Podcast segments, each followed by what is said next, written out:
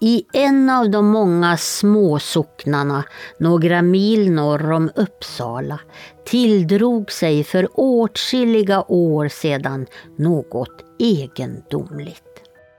I en gammal stuga där en gammal gubbe och gumma bodde ensamma hade inget övernaturligt inträffat förrän de båda gamla tyckte att ensamheten blev lite trist i längden och kom på idén att ta dit en flicka i tioårsåldern.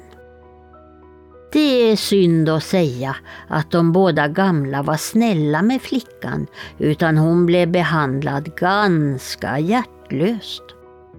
Flickan såväl som de båda gamla låg i köket på natten och nu skedde det märkliga att några få nätter sedan flickan hade flyttat dit till de båda gamla hördes knackningar från den plats där flickan hade sin säng. De gamla blev förargade och sa till flickan att sluta med de här knackningarna. Hon bedyrade att det inte var hon som hade åstadkommit ljudet. Men det här fortsatte, natt efter natt och den stackars flickan fick stryk och misshandlades för vad de trodde var hennes tredska. Hon bedyrade alltjämt att det ej var hon som knackade, men blev tyvärr inte trodd. Det gick så långt att hon av en av de mera bemärkta personer i socknen dit hon hade förts för att erkänna eller tvingas att erkänna av denne vid håret släpades upp för en trappa så att en del av håret slets av. På expeditionsrummet misshandlades flickan ytterligare men hon vidhöll dock att hon var oskyldig till de mystiska knackningarna. Kort därpå avled det stackars barnet, troligen på grund av misshandeln. Efter att flickan blivit begravd fortsatte åter knackningarna och de båda gamla kunde inte sova. Nu då det var för sent insåg de att den arma flickan varit oskyldig. Då allt detta hände levde den kände docent Alrötz i Uppsala till vilken kännedom de mystiska knackningarna kom. Han for upp till platsen för händelserna och tillbringade några nätter i stugan. Innan han reste från platsen bad han de gamla att riva bort spismuren och gräva under den. Och det här skedde. Och under ett tunt lager med jord hittades två skelett, ganska väl bibehållna. När de hade blivit avlägsnade så förmärktes aldrig några mer knackningar i stugan.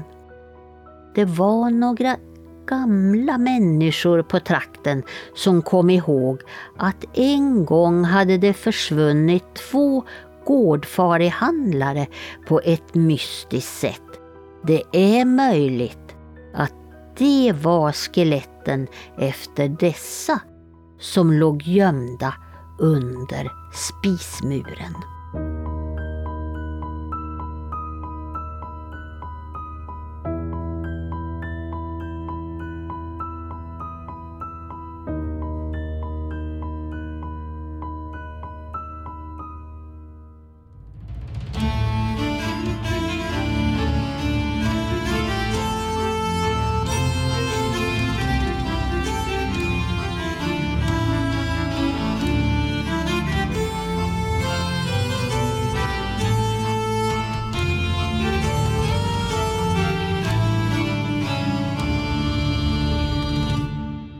Hej och varmt välkommen till eh, podcasten När man talar om trollen med eh, mig, Lars Wahlström ifrån Oknytt. Och mitt emot mig här har jag ju precis som vanligt Tommy Kosela som är doktor i religionshistoria och är våran expert i det här programmet. Och det känns alltid så tryggt att ha med dig Tommy.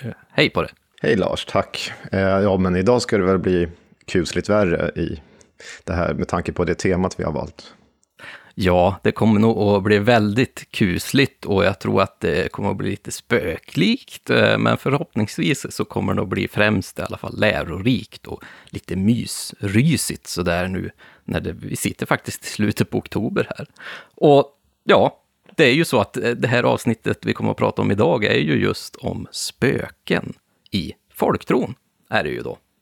Och Innan vi direkt går in i ämnet så tänkte jag bara nämna att det är ju många som vill stödja oss eh, då vi gör den här podden på vår fritid. Vi gör den när vi liksom har tid över. Och det är fantastiskt roligt, så att eh, vi startar ju faktiskt en Patreon som heter När man talar om trollen.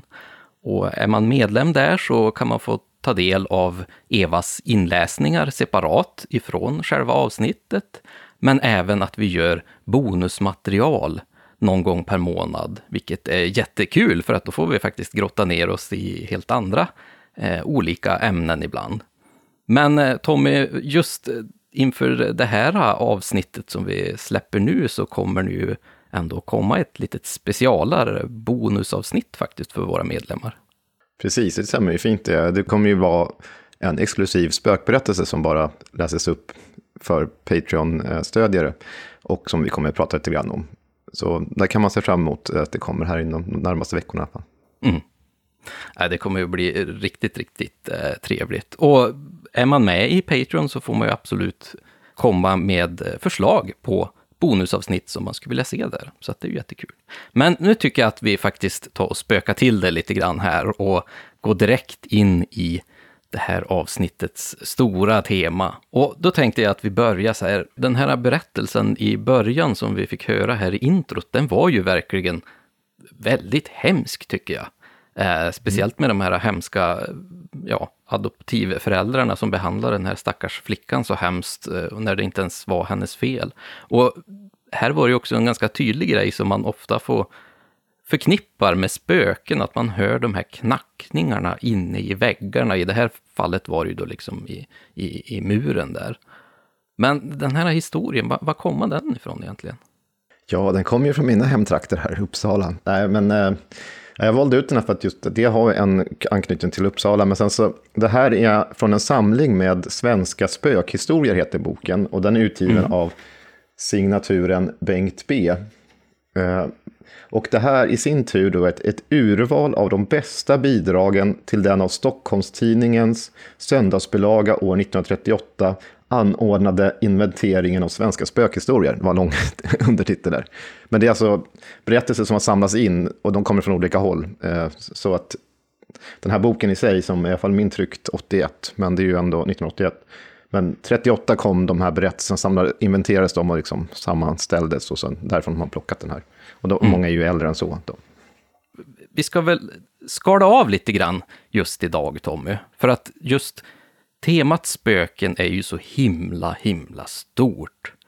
Jag tänkte att vi skulle börja lite så här, vad menar vi egentligen med spöken i det här avsnittet?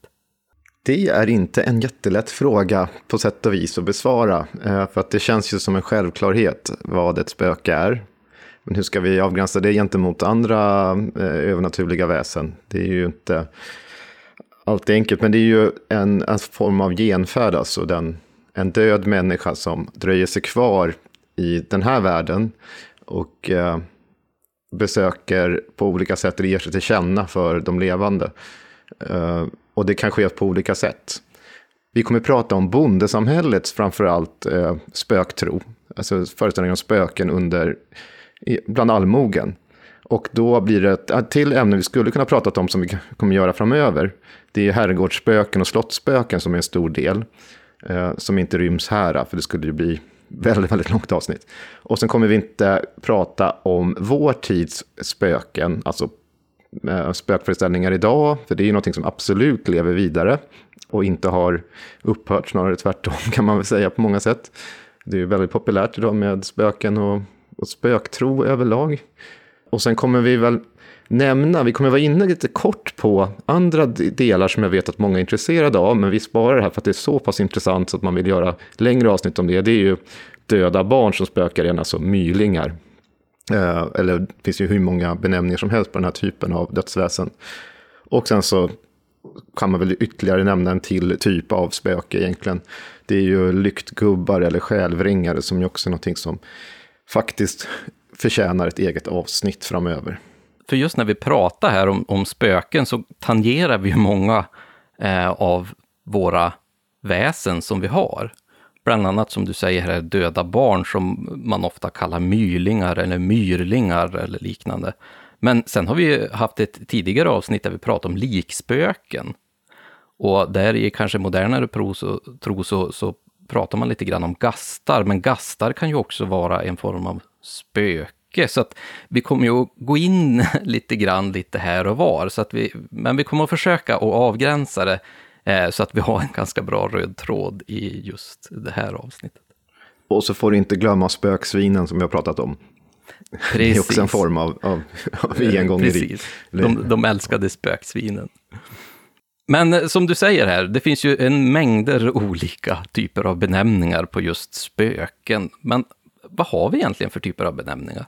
Jag ska, jag, jag ska svara på det, men först ska jag börja med, för att det var en fråga här om eh, vad man menar med spöken i bondesamhället. Så jag, jag börjar med mm. det. Då ska jag läsa mm. upp, för det, fanns, det finns en doktorsavhandling i religionshistoria som skrevs av, 1984 av en som heter Solveig Almqvist.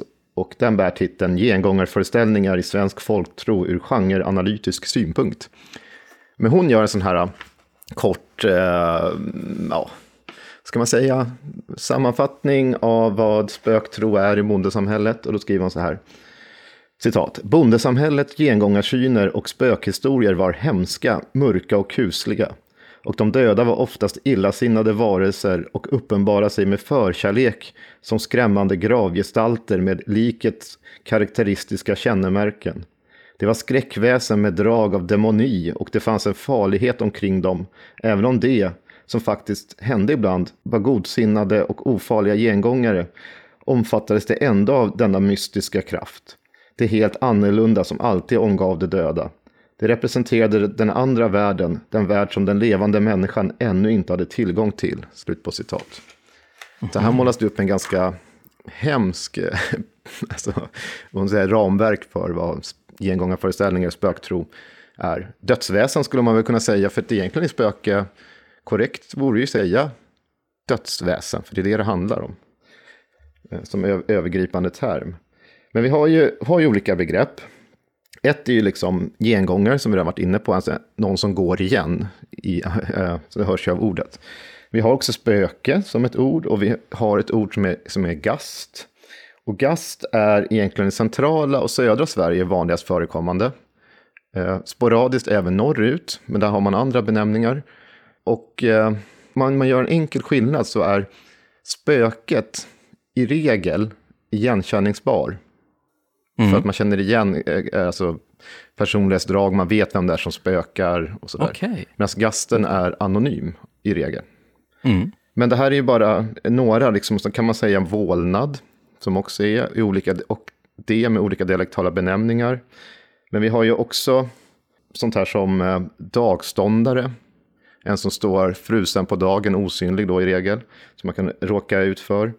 Man har föreställningar som ja, vi ska ha ett avsnitt om mylingar, men de kan ju också kallas för gastar eller utböling och utkasting, ypping och allt möjligt. Skväk i dina trakter, Ångermanland. Vi har en annan här också i, i Ångermanland, i alla fall härifrån Örnsköldsvik, och det är ju att vi, vi kallar den här typen av varelse för skrömt eller skrömta. Det är ju inte, det är ett, ett eh, övergripande ord som omfattar spökerier generellt. Inte mm. bara just den här föreställningen, utan det är ett just att liksom, istället för spökerier eller något liknande, då kan man säga skrymt eller skrömta och sådana saker som, särskilt norrut då. Så det, det, är mer en samlingsterm som inbegriper mm. sånt här. Men så har vi regionala varianter, gast har vi sagt, vi har strandvaskare, strandgast, strandvräling, strandöing. Och här hör vi ju redan att det handlar om någon som har dött till, till havs eller på sjön. Som, som liksom spökar, det är en egen typ.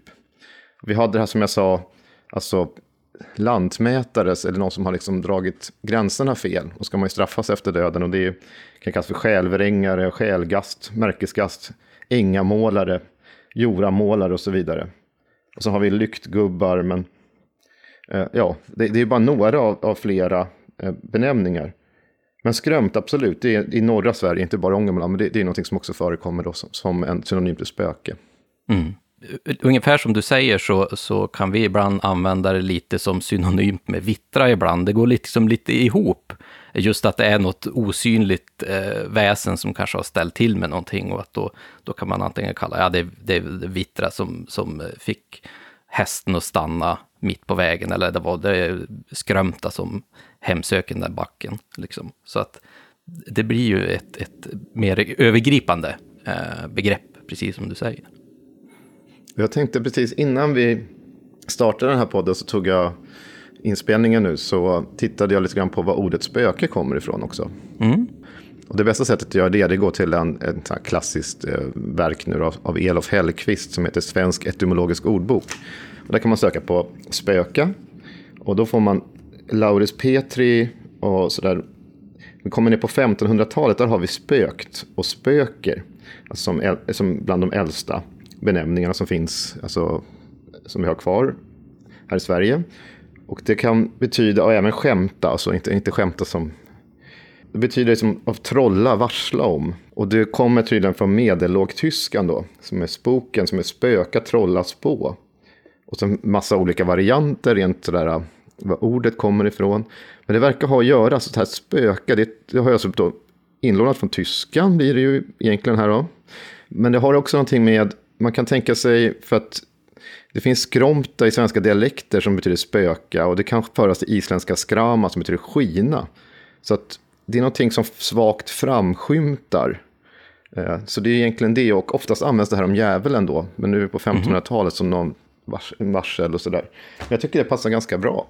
Eller, det, det, är ju ganska bra eftersom det är ju precis vad det här är. Det är liksom oidentifierbart lite grann. Även om vi kanske kan känna igen. Det är ju det här mysteriet med vad som sker med människan efter döden. Den som dröjer sig kvar. Varför dröjer den sig kvar? Vad är syftet med den döda? Varför får den inte ro? Och så vidare. Så det är ju en gammal föreställning och ofta även i, i den här allmogemiljön vi kommer att prata mest om här är det ju ofta så att den liksom ger sig till känna genom ljud och eh, andra saker, att man liksom känner av den eller något sånt där. Mm. Även om det kan visa sig också, det sker ganska många gånger. Men så är det ju oftast den här som vi fortfarande har idag i spöktron, att det är mera, man, liksom känner av den döda, att man hör den alltså på olika sätt, oftast nattetid. Då. Det är, ju, det är ju otroligt intressant det där. Jag tänkte på en sak vi har ju någonting annat som, som kanske vi inte har så där jättemycket här i Sverige. Men alltså just eh, poltergeist och bullergastar, mm. vad är, eh, hör det också ihop med det här med spöken? Det gör det absolut. Och det är kul att du sa det här för att poltergeist är ju tyskt, det hörs ju. Mm. Den svenska benämningen blir ju bullergast. Eh, det äldsta, mig veterligen, i skrift, användandet av ordet poltergeist, är faktiskt Martin Luther. Mm -hmm. Och då kanske man tänker, oj, är det där Martin Luther? Ja, precis. Ja. Den här liksom, eh, reformatorn. Mm. Och han, han har ju ett antal liksom, teser som han liksom spikar upp den här kända. Ja, det han vänder sig mot i katolicismen. Och i alla dessa så är det han så att säga, mest störd med i den katolska kyrkan. Först är det avlatsbreven, det är väldigt känt som etta. Men Poltergeist kommer redan på femte plats. Oj då. Av de här 114 teserna. Ja. ja. Det finns ju en hel del berättelser om Martin Luther också. Hur, han trodde ju inte på spöken. Mm. Så eh, det ingick ju inte i den kristna tron han förespråkade, utan det var ju, det var ju djävulens bländverk i så fall. Alltså, han trodde på det på så sätt att det var djävulen som försökte narra människan. Men han, han, det finns ju berättat om att personer kommer till honom med spökberättelser och sådär, och han får då liksom ge kloka råd.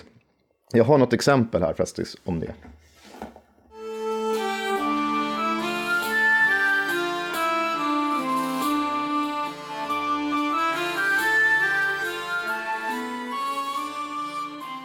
Det finns några olika exempel då på Martin Luther, hur han liksom blev uppsökt av personer som eh, menar sig ha er, ja, erfarit spökerier av olika slag. Och en händelse finns beskriven från januari 1538. Mm. Eh, och då kallades Martin Luther in för att avgöra vad man skulle göra med en ung smedslärling som hade hållit sig undan från sitt arbete. Och eh, när den här lärlingen frågades varför han gjorde så, så menar han på att eh, en skrämmande vålnad visade sig för honom och hade hotat med att bryta hans nacke om han återvände till smedens hus. Och Luther var ganska skeptisk till berättelsen. Och han tänkte att det kanske var att han tittat ihop liknande ting eh, för att han inte ville arbeta. Mm. Eh, men eh, han accepterade slutberättelsen och skulle ge en andlig rekommendation. Och han behövde inte vara rädd.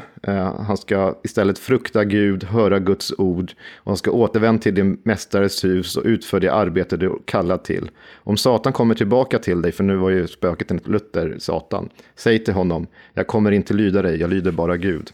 Och så finns det mm. liknande berättelser då från, från Luther om att det, det, det, liksom, det gäller att tro på Gud istället. Och det är den som är herre i huset så att säga.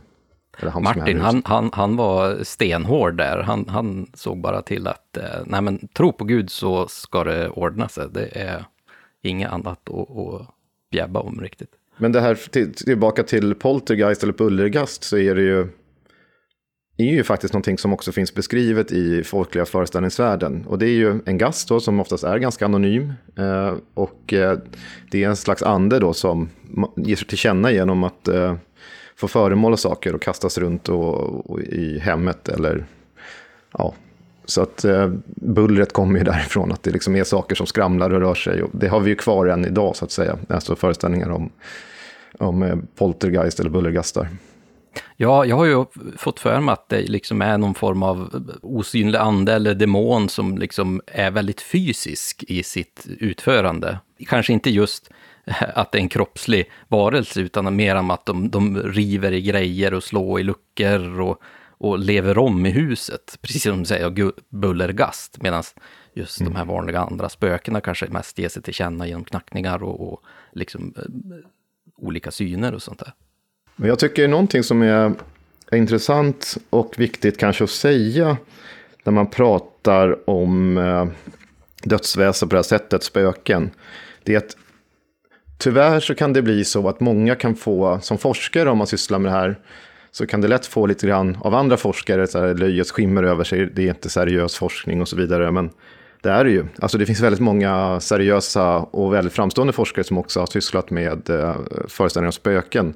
Och varför, inte, varför då? Jo, men det är ju berättelser som är väldigt viktiga för människor och har fyllt en funktion i alla tider. Eh, det är ju, det är ju reflektioner, funderingar kring döden och mycket som har att göra med livet här och nu.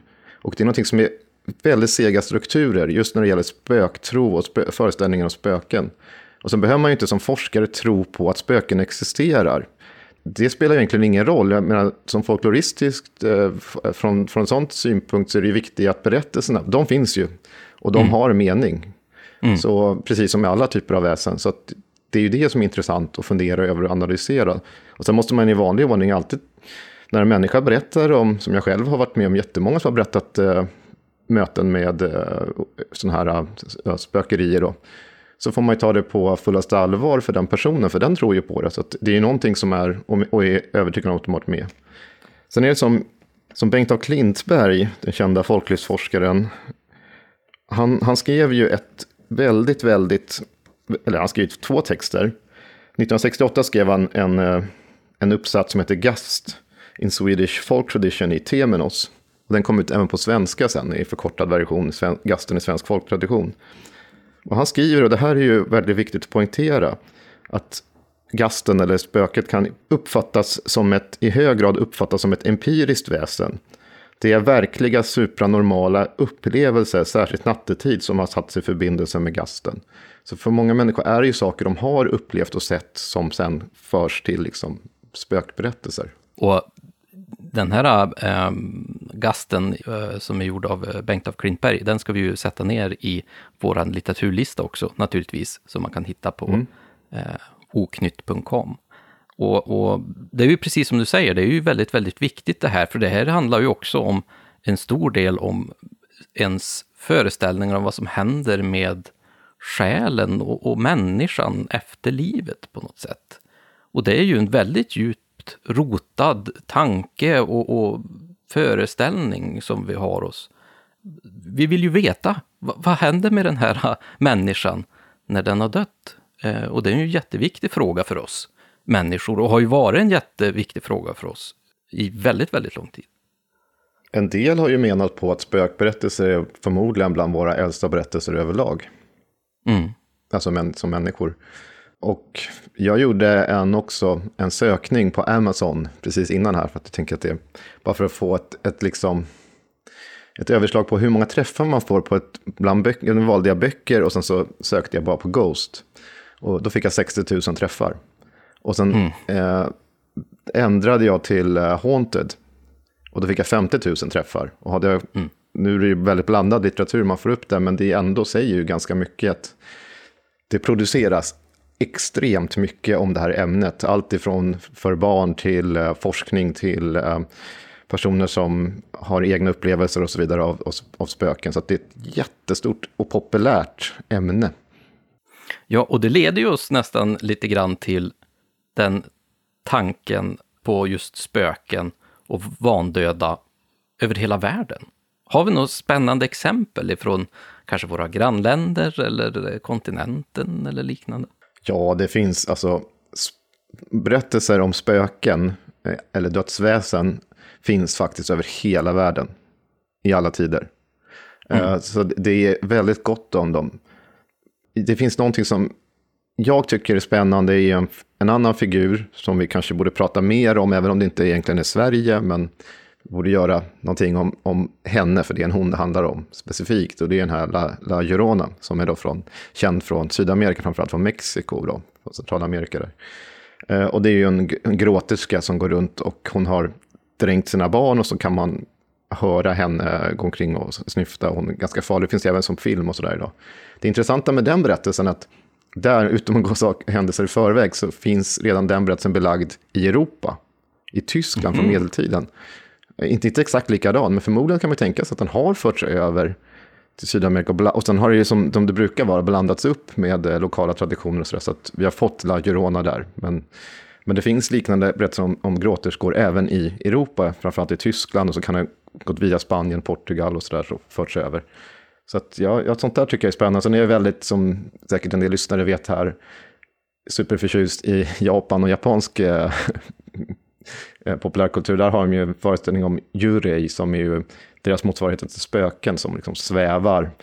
Och det finns många, många gamla målningar på dem. De är mera, kan man väl säga, lite mer aggressiva i sin framtoning och kan till och med förfölja en person Alltså en person, inte bara en plats, utan en person på ett helt annat sätt än vad många av våra spöken gör. Och det ser vi inte minst då i eh, skräckfilmer från Japan idag. Det är därför vi blir så skrämda av dem, för det är, som, det är en helt annan typ av spöken som vi inte är vana vid på det sättet. Så därför skrämmer det oss extra mycket. Man liksom är inte skyddad, inte så under ljusa dagen så är man skyddad i många fall.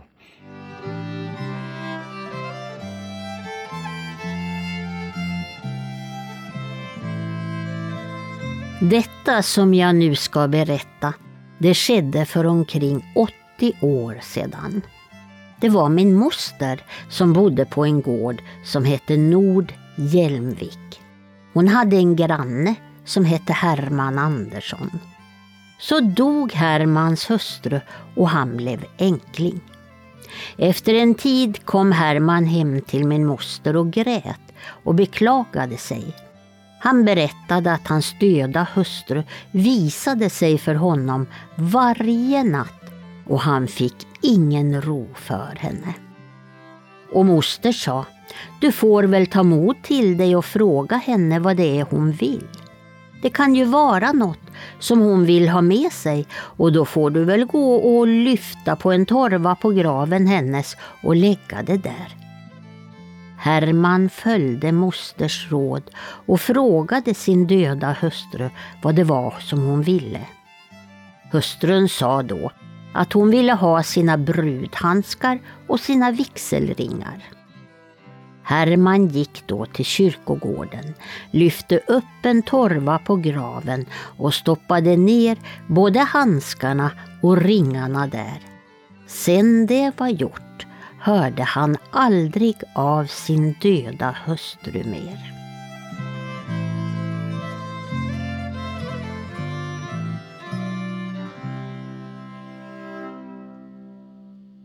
Här hade vi ju Herman ifrån Orust i Bohuslän.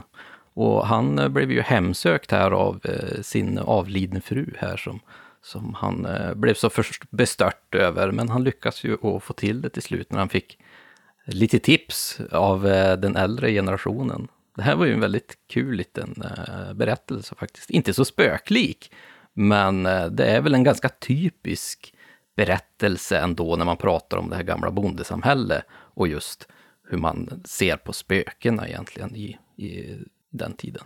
Ja, precis. Och jag tänker väl att vi kommer väl komma eh, prata mer om det.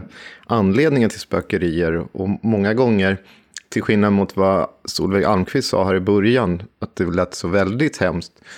Så är det klart att det ska vara något skräcklikt över spökberättelser som sådana. Men många gånger så vill de döda, även om det är skrämmande att möta dem såklart, det är en död människa som går igen. Men så, så vill de ju någonting. Det är någonting som ska uppdagas. Eh, det kan vara av olika anledningar, men det är någonting som liksom skaver i dem som gör att de inte får ro i graven. Eh, och, och liksom det är oftast det som många berättelser om spöken handlar om.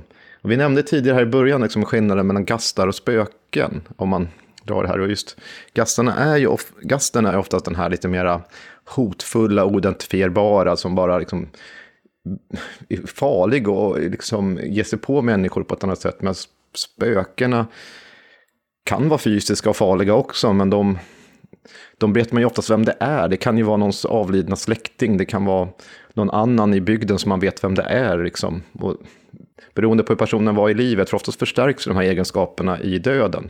Så en girig och elak eller trolldomskunnig person blir ännu värre efter döden.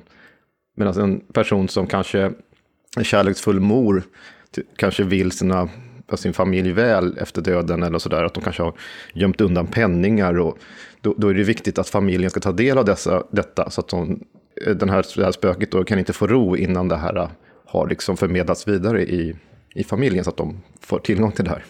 Mm.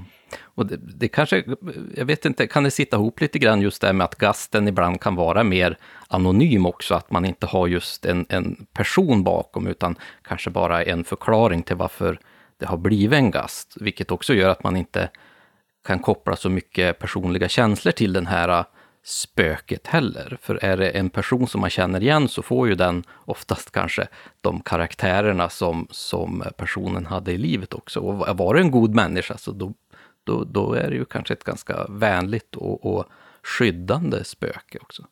Ja, det där är intressant. Nu skulle vi inte prata så jättemycket om vår tid, men det är en sak som har förstärkts under senare tid, den här vänligheten och spökena. Mm. Eh, och man vill inte alltid kalla dem för spöken idag heller, utan man har ju besökare och massa olika benämningar. Men den här, just den här idén och tanken om att man vill väl och att man vill skydda de Eh, efterlevande har, har förstärkts, skulle jag vilja säga, under senare tid. Det finns även, ja, så långt tillbaka till fornnordisk tid, delvis då. Men, eh, men, har, men har absolut förstärkts med, med tiden. Medan alltså gasten är ett skräckväsen, rätt, rätt eh, upp, alltså rakt av är det ett skräckväsen, det kanske man ska säga. Det är någonting som, man, som är farligt, hotfullt. Eh, båda spöken och gastar har någonting med den andra världen och liksom någonting väldigt gåtfullt över sig. Men gasten är mycket farligare och mer hotfull. Alltså den, den sprider skräck på ett helt annat sätt än vad spöken brukar göra. När du pratar här om, om gamla skräcklika eh, dödsväsen så, så kommer jag ju att tänka på det här avsnittet som vi gjorde om likspöken och zombier och där vi pratade om den här eh, Draugen Glom till exempel som mm. man kunde förklara nästan var någon form av gast.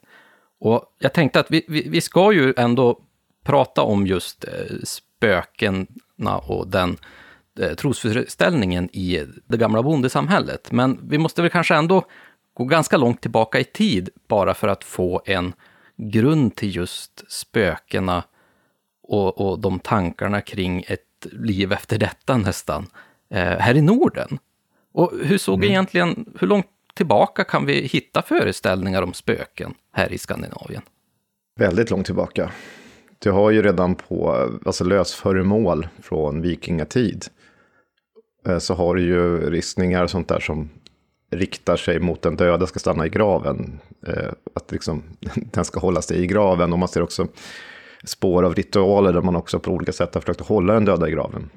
Och det där har ju naturligtvis att göra med en föreställning om att den kan gå igen på olika sätt. Eh, oftast är, och sen i de isländska sagorna då, som är, har en, ett ganska stort material med berättelser, där finns det väldigt mycket, dels de här likspökena, många är fysiska i de här sagorna, men du har också mera personer som bara uppenbarar sig, visar sig, fortsätter vad de har gjort i jordelivet, alltså som, som gör mer, kanske mer spökformen då, som vi tänker oss.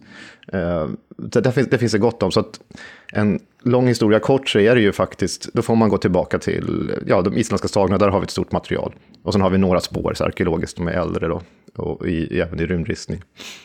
Det är intressant här när du pratar om att man, man försökte få, få dem att stanna kvar i marken. Var det inte Bockstensmannen som man hade hittat, han är liksom pålad ner i backen? Jo, nedpålning av döda finns, är ett gammalt motiv, eller ja, det, det hittar vi ju arkeologiskt också. Men att, eh, ja, på, i populärkulturen även med vampyrer då, om man tar från mm. Centraleuropa. Men eh, det, det, är ju ett sätt då man liksom på olika sätt mer eller mindre våldsamt tvingar den döda att stanna kvar där liksom man har lagt den. Man kan göra det med stenblock, man kan påla igenom den, man kan binda ihop benen.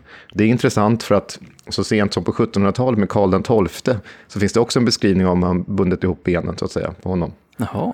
Eh, för att han inte ska gå igen antar man då. Så att det är liksom en, en gammal föreställning som lever kvar, eller levde kvar ganska länge. Men det, är ju också, det går tillbaka till, och det finns också beskrivet i, med pålning även i isländska sagor. När man, när man tittar på de här gengångarna som finns i den äldre tiden, hur skiljer sig de med, med de här moderna spökberättelserna som vi har under eh, det modernare bondesamhället? Till stor del så är det så att i de isländska sagorna så är oftast gengångarna ganska hotfulla och farliga de ger sig på fysiskt, angriper och de är liksom väldigt besvärliga att ha att göra med. Det, oftast nästan alla förklaringar som finns kring dem är någonting, det är ingenting liksom positivt. Det känns ju lite så också då eh, man faktiskt har hittat bevis på att man, man verkligen bemödar sig och, och påla ner dem eller binda fast dem i marken. Och det är ju min spekulation naturligtvis, att det är ju nästan som att det är ett tecken på att man är lite rädd för att de ska ta sig upp. För varför skulle man annars försöka binda fast någon i backen? Förutom för att man vill ju kanske inte att de här ska komma upp igen och då är det kanske mycket för att de är eh, väldigt hotfulla, att man, man tycker att de är farliga väsen som kommer tillbaka. Ja, och jag tänker att en, en favoritforskare för mig är religionshistorikern Folke Ström. Och han har skrivit om bland annat artikeln Gengångare i Kulturhistorisk lexikon för nordisk medeltid. Och han, har, han har en förmåga att komprimera saker på ett mycket smartare sätt än vad jag gör, så är inte att jag läser eh, vad han skriver här. Och han skriver om gengång, då får vi tänka att det rör sig om fornnordisk tid, skriver han, citat. Gengång är icke en företeelse som normalt förknippas med de avlidna.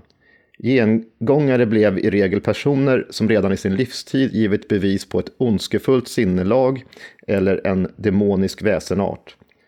Gengångarens uppsåt är också nästan genomgående ont och hämndgirigt, deras verksamhet skadebringande. Det vållar sjukdom, vansinne eller död. Därav den intensiva fruktan som är oupplösligt förbunden med gengångartron. Ofta nog är deras hemsökelse långvarig och förhärjande. Stundom händer att gengångarens offer själva blir gengångare, uppträdande i flock och kräva nya offer. Ja, slut på citat. Vi pratade om det här i, i Liksböken-avsnittet också. Det finns ju här kanske den närmaste jämförelsen med eh, kanske vampyrer, att det här slags smitta som kan komma. Även om de inte biter och suger blod. I regel i alla fall. Vi, har, vi har tog upp exempel i det avsnittet också på några som gjorde det. Men han har också en intressant iakttagelse här som ju faktiskt bör stämma ganska väl. Han menar att verklighetsunderlaget till de här traditionerna är ganska uppenbar. Det här får vi inte glömma. Vi kan, ibland pratar vi om det här som att det är, ja, det är spännande berättelser och så, men han menar på att det här kan vara uppskakande olyckshändelser, epidemier och farsoter, vilkas naturliga orsakssammanhang varit samtiden fördolda. Så att då har man knutit vissa upplevelser som ångesthallucinationer, illusioner och skräckfyllda drömsyner och sånt där till det här gengångartron. Och det tycker jag är väldigt eh, värt, det är värt att ta upp här. Att, som, som vi sa i början så finns det oftast ett empiriskt underlag till många av de här berättelserna på olika sätt. Då.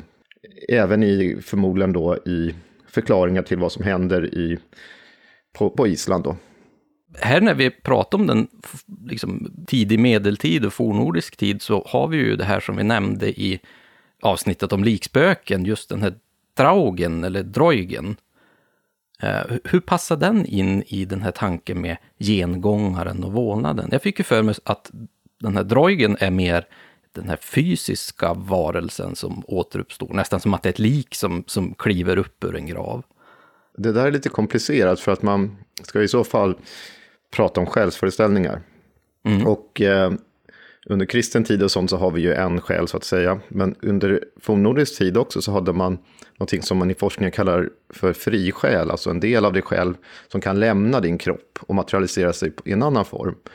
Eh, det här har förts till shamanism och sånt också. Men, eh, eller föreställningar om det. Men, för det är ju samma tankar där också. Att shamanen i, sig, i Sibirien kan skicka ut sin en del av sig själv på olika uppdrag.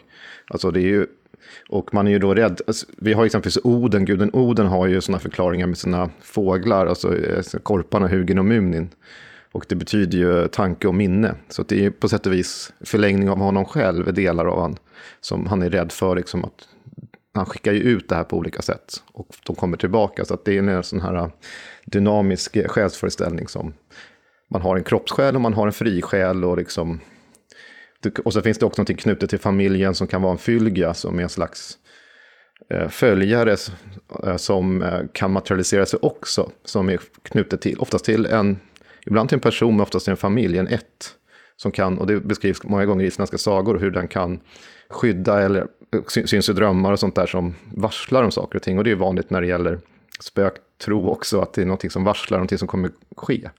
Så att det, det, det fornnordiska är lite komplicerat och är svårt att sammanfatta på bara några minuter här.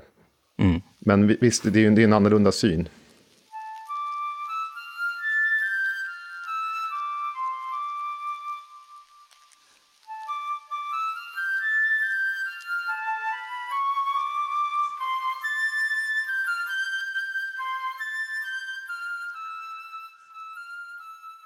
När man tittar i de här äldre källorna, kan man se liksom när under tiden eller om det var några speciella högtider eller tider på året eller dygnet när de här gengångarna var liksom mest aktiv?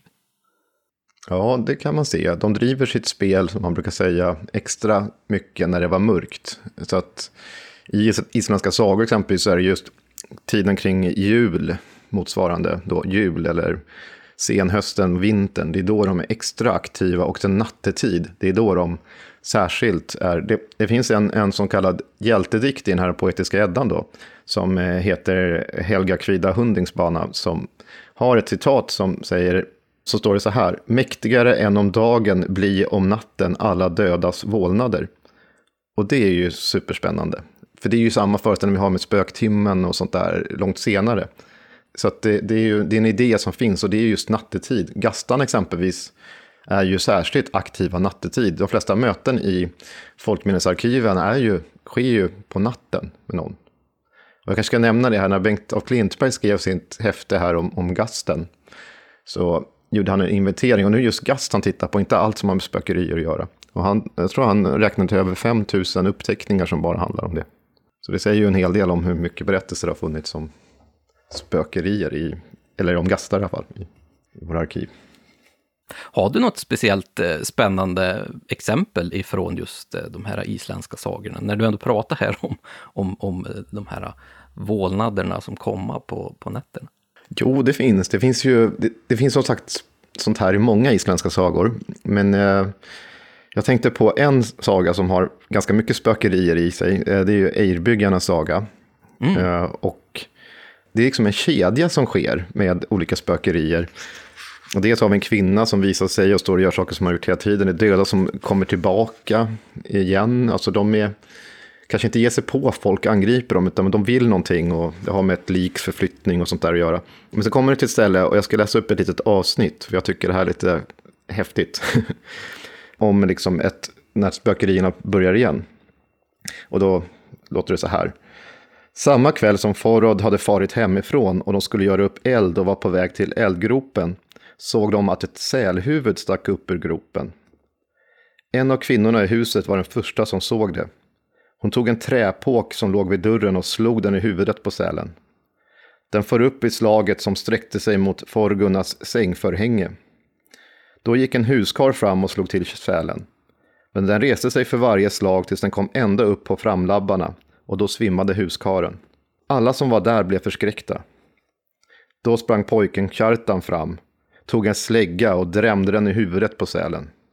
Det var ett hårt slag, men sälen bara skakade på huvudet och såg sig omkring. Kjartan lät det ena slaget följa på det andra och sälen sjönk då nedåt för varje slag. Han fortsatte slå tills sälen hade kommit så långt ner att han med släggan slog ihop jordgolvet över huvudet på den. På samma sätt fortsatte det hela vintern. Och Kjartan var den som allt oknytt fruktade allra mest, eller alla spöken skulle man kunna säga, det ordet som har mm. översatts i oknytt här.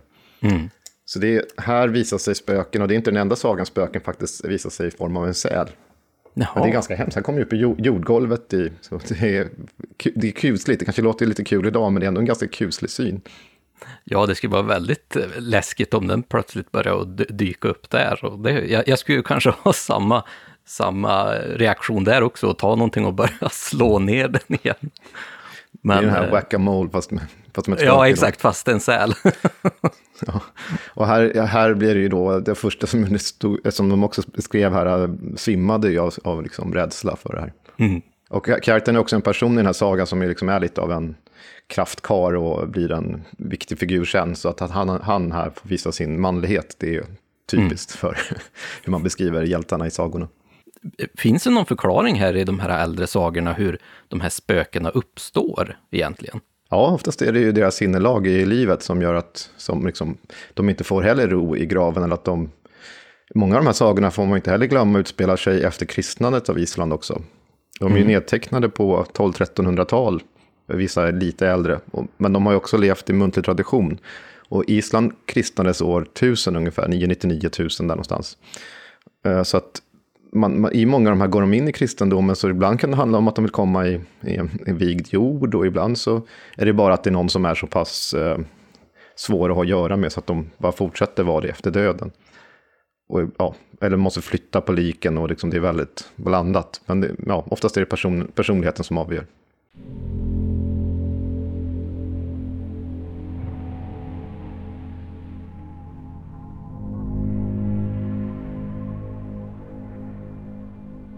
Det var en bror till Jonas Wallgren på Axevall som var på Tiveden och arbetade på banan.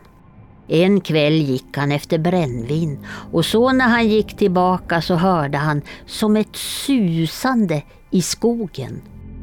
Och då, när han såg sig om, fick han se en gast som räckte över trädtopparna och den följde efter honom på vägen. Så han gav sig till att börja springa.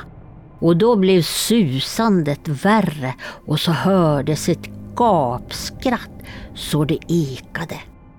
Det var ett rått skratt som skar sig in mellan märg och ben. Och så försvann gasten. Och Wallgrens bror, han blev så förskrämd att han inte kunde tala längre.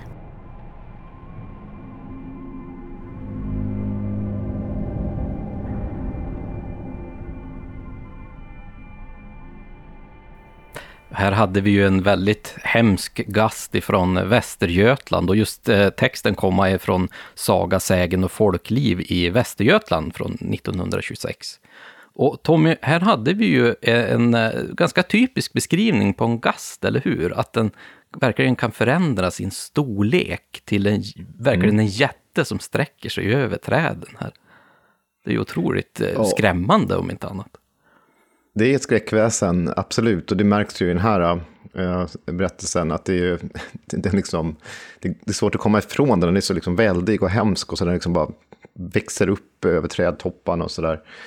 Och det är intressant, nu är det här äh, berättelser som sträcker sig tillbaka till sena 1800-talet.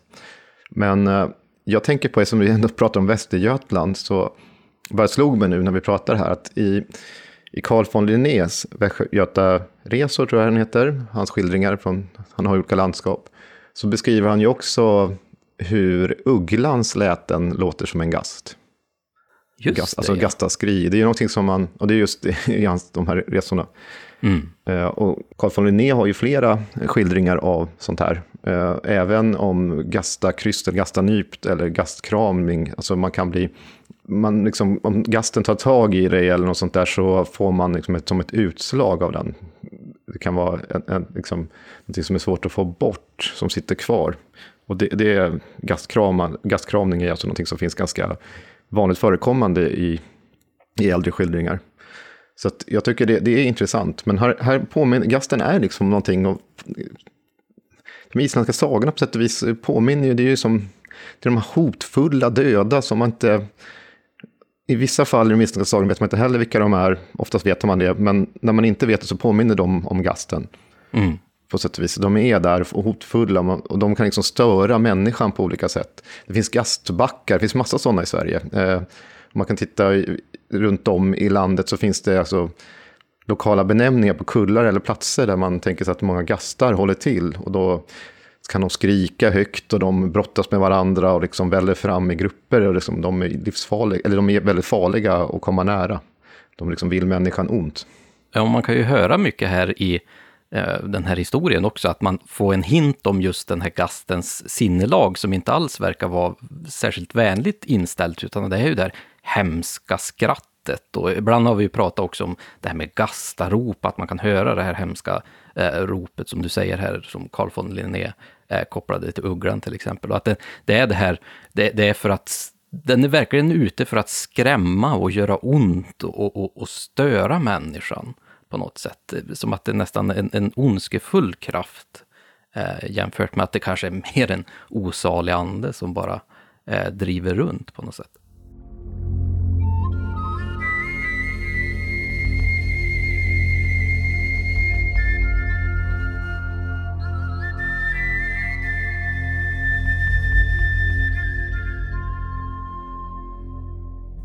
Men vi pratar ju mycket här om, om de isländska sagorna och Islands olika berättelser. Men hur ser det ut här i Sverige? Har vi några äldre berättelser om just eh, spöken och de här andarna här?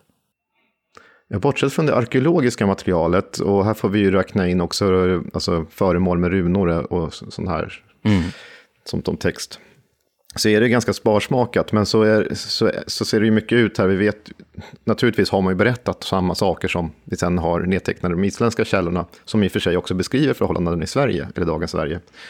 Men vi har någonting, vi har några ballader, alltså medeltida ballader som ju handlar om gengång. Dels finns eh, en som heter Styvmoden, där återvänder en död mor till jorden och lyckas förmå sina barns eh, styvmor att ta bättre hand om de små. Så den är ju ganska positiv kan man säga då, på sätt och vis. Gengångaren är en annan, som också berättar om en ungersvän får besök av en död man, som berättas att han mördats av sin maka och hennes medhjälpare. Och så ska han då framföra bud om detta till hans fränder. Och så finns det ytterligare en som heter Sorgens makt. Och då kommer en död fästman tillbaka till sin fästmö för en enda natt. Uh, han ber henne att inte sörja för mycket eftersom det skulle störa hans ro. Och det här är någonting som senare finns också i folkliga berättelser långt senare. Men, men det är det som finns. Och helt nyligen blev vi också varse om ytterligare en text som är, som är svensk, men den beskriver förhållanden på, inte i Sverige utan Tyskland. Men den är gammal. Jag ska se om jag hittar den här. I den här boken som jag nämnde tidigare, eh, med svenska spökhistorier, som vi hade den första berättelsen ifrån, så finns ett alldeles förträffligt, en inledning skriven av Gunnar Granberg, som också skrev sin stora avhandling om skogsrået. I den här så får vi veta, så skriver han så här. spökhistorierna har som man kan vänta sig hög ålder. Och vad vår egen litteratur, att de svenska man menar då, beträffar så skulle man med viss rätt kunna betrakta Petrus de Dacias, vår första författares skildring från 1200-talet av händelserna kring den tyska bondflickan Kristina från Stommen som ett slags spökhistoria. Så där menar han, jag har inte läst just den historien, men där menar han på att det finns en 1200-talsberättelse, alltså lika gammal som de isländska sagorna, som eh, då kan ha, ha spökmotiv. Mm. Så det är 1200-tal skulle jag säga då i så fall, om vi ska ha en riktig berättelse, så är väl det som man kan tänka sig svenska förhållanden äldsta. Det är ju otroligt fascinerande att ändå kan få de här berättelserna så himla långt tillbaka. Och det är ju så tydligt då, precis som man skrev där i inledningen, att det är ju verkligen eh, någonting som vi har länge tänkt på eh, under väldigt lång tid och vad som händer egentligen med, med livet efter detta och vad som sker med just den personen. Och då kommer jag att tänka mig på just det här med eftervärlden och vad händer egentligen med ett liv när den väl har dött? Och när vi pratar om fornordisk tid så är det ju lätt att vi kommer in på den eh, fornordiska religionen och att man tänker på mm. Valhall och det efterlivet. Men jag tänker att här när man närmar sig medeltiden, lite modernare medeltid, så kommer ju också kyrkan in och kristendomen in i Skandinavien. Och jag antar att även den har påverkat just den här tanken på spöken och hur anden kanske tvingas leva kvar efter döden. Jo, det gör det ju. Och det finns flera spår runt om i Europa. Vi har även antiken, det har vi inte sagt någonting om. Alltså antikens Grekland och Rom och så här som har väldigt mycket också om spöken och som skrivit. Men just kyrkan, den katolska kyrkan, är ju väldigt spännande också vi har ju en brytningstid också, sen kommer, men det kyrkan förespråkar är mycket det här att spöken är liksom en rimlig del för att, i alla fall i folklig föreställningsvärld, för att man, där förespråkar man ju också att antingen när man dör så kan man, man kan gå in i något som heter, kallas för skärselden, man ska liksom ren, rensas och renas från synder. Och det är ju typiskt sak som finns i katolicismen som inte finns i protestantismen. Och den här som så här, mellanläget, ett limbo, gör ju att själen inte riktigt har gått vidare till nu helvete eller himmel. Och den liksom är inte heller här, så den är sagt mitt emellan. Så tanken om att besök ifrån den här platsen blir ju mer rimlig så att säga. Just i, i den här föreställningsvärlden. Det finns en jättebra bok som handlar om eh, spöktro under medeltiden. Som, skriven av en fransk mentalitetshistoriker. Men den heter då Ghosts in the Middle Ages. Och han, han tar upp mycket av det här, liksom, tanken om skärselden som en liksom viktig del i, i tanken om spöktro. Sen är ju folktro, eh, och vi får prata om folktro, för det, folktro finns ju i alla tider, inklusive fornnordisk religion och sådär. Så är det vad man har kallat för sega strukturer. Så att man, bland folket så lever ju liksom flera sådana här saker kvar. Vi har ju det här med vålnaden som går före och sådana saker är ju någonting som delvis kan spåras tillbaka också till fornnordisk tid, men och vissa delar av spöktron har drag från katolicismen, även in i protestantisk tid. Så att alla de här sakerna liksom kan leva sida vid sida utan att det blir ett större problem för gemene man. Och sen så, när vi ändå pratar så mycket om folktro i, i den här podden, så är ju folktro inte logisk i vårt sätt att tänka på logik, utan den är ju väldigt splittrad och motsägelsefull och så på många håll. Så att man får inte räkna med ett enhetligt system, utan det här är ju muntlig tradition, där Eh, samma berättare kan ha olika tankesystem eh, olika gånger och sådär. Olika orter kan ha olika berättelser och de behöver inte stämma överens alltid. Och, och sen är ju en, en sak som eh, vi kommer att få se i eller få höra i kommande berättelser här också, är ju just att när, när vi närmar oss det här bondesamhället under 1700, 1800, 1900-tal, så är det ju oftast kanske prästen som får komma in och hjälpa till när det är kanske ett spöke som härjar löst, eller det är en, en präst som kanske till och med har blivit spöke eller liknande. Så att kyrkan är ju ändå ganska förknippad just med, med de här berättelserna också. Ja, det där är ju, även om man rent officiellt sett, om vi går, tillbaka, om vi går till Luther här nu, han var ju emot att det finns spöken, han, tro, han tänkte att det var djävulens bländverk, och där är ju naturligaste medlet mot det är ju prästen och, och liksom Bibelns ord och så. Och läsa bort spöken. Men då är ju sätt också att tänka sig att spökena är ju samtidigt då uppenbarelse av djävulen, samtidigt som det här blir ju komplicerat för att varje präst och sådär kanske inte tänkte så heller, utan det, spöktron lever alltså kvar ändå. Så att det, det blir komplicerat, för man, ja, rent officiellt kanske man säger att det är djävulen, men det, det är som sagt det är sega strukturer, så att tanken om att det faktiskt är döda som härjar finns ju också kvar. Mm. Och nu, nu är, spekulerar jag igen lite grann, men att jag kan ju kanske tänka mig att just eh, prästen fick kanske mer den här funktionen som det kloka hade förut, eh, att man kunde lösa olika problem för befolkningen och att här besitter ju liksom prästen en stor kraft och han förknippad med Gud och, och, och salighet, liksom att där får ju ändå prästen en, ett mandat att kunna gå in och lösa de här problemen som eh, allmän, allmogen liksom eh, gick och hade ute i samhället. Absolut, pressen har ju en auktoritet genom, efter, på grund av det, men den kloka använder sig också av bibelord och eh, kyrkans eh, eh mm. vapen mot, mot eh, inte bara spöken, utan alla former av övernaturliga väsen. Så de lever ju sida vid sida. Och det finns ju till och med sägner som berättar nästan om en, att uh, den kloka ibland är bättre att gå till än prästen. Och, så där. och då kan det ju vara inbyggda uh, idéer om hierarkier och sådär i bygden som man, mm. som, som man ser genom sägnerna här. Det måste ju berätta mycket om just eh, den lokala bygdens eh, syn på just vad man hade på, på kyrkans koppling till eh, allmänheten och kanske tvärtom också. Det är ju väldigt intressant, det måste det ju vara, att få läsa de här berättelserna.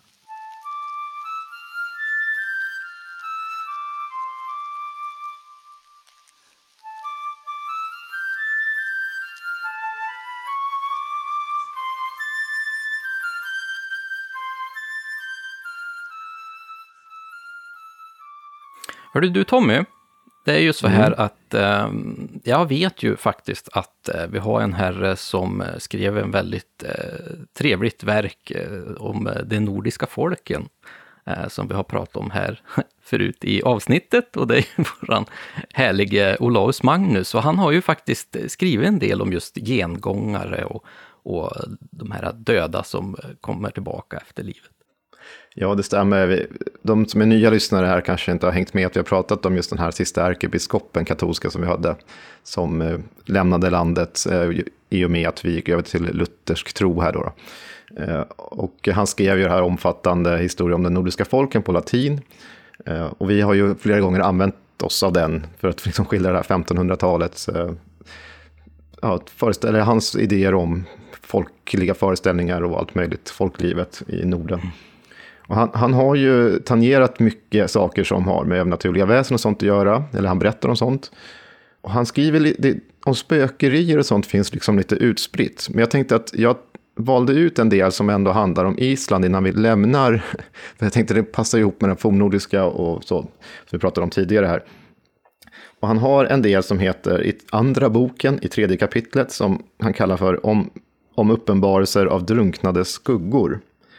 Och han pratar här om då, som jag sa, Island. Men, och då menar han, där finns bland annat en klippa eller udde, vilken i likhet med Etna, eh, han gör mycket jämförelse med eh, eh antiken här, glöder av ständig eld och som anses vara en straff och reningsort för orena själar.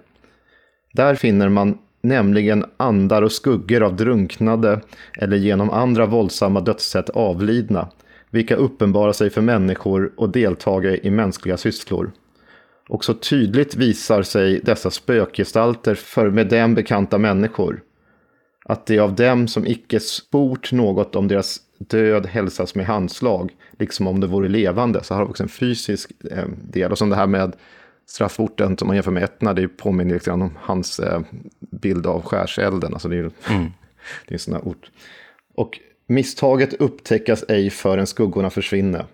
Invånarna hava förmåga att förutspå förstars öden och händelser som inträffar fjärran i världen känner de genom spökenas uppenbarelser så som nedanför ska tydligare utläggas ja, i sen ett kapitel om magiska konster. Och sen jämför han med Vergilius och sådär. Men det är ju intressant här att man har varsel, eh, man förutspår saker genom de döda gör det det är ju nästan någon form av fjärrskådning liksom som man eh, utövar någon form av trolldom.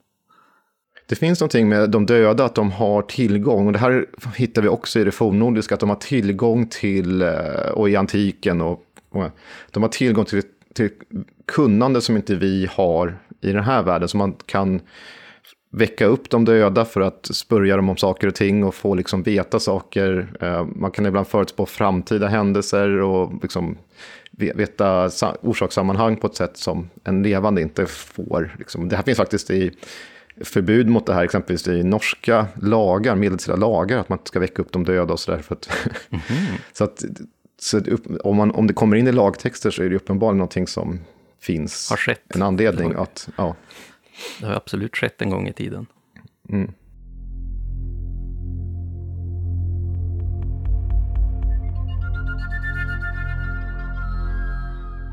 Under en julhelg i slutet av 1800-talet upptäckte en mycket ung bonddotter i Hedesunda att hon var med barn.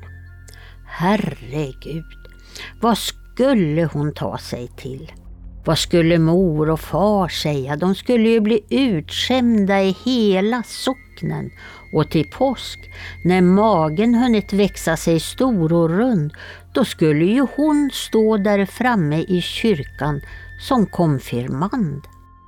Den stackars flickan var utom sig av förtvivlan.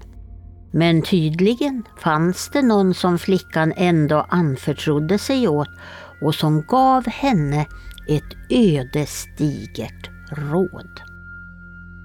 En gammal beprövad metod när kvinnor ville avbryta oönskade graviditeter, det var att svälja en rejäl dos med saffran och det var just vad den olyckliga bonddottern gjorde. Metoden lyckades.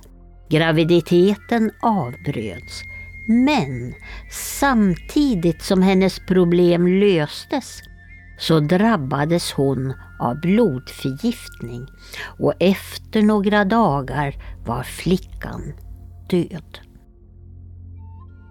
En kort tid efter begravningen var det någon som såg flickan på gårdsplanen precis som när det började att skymma på.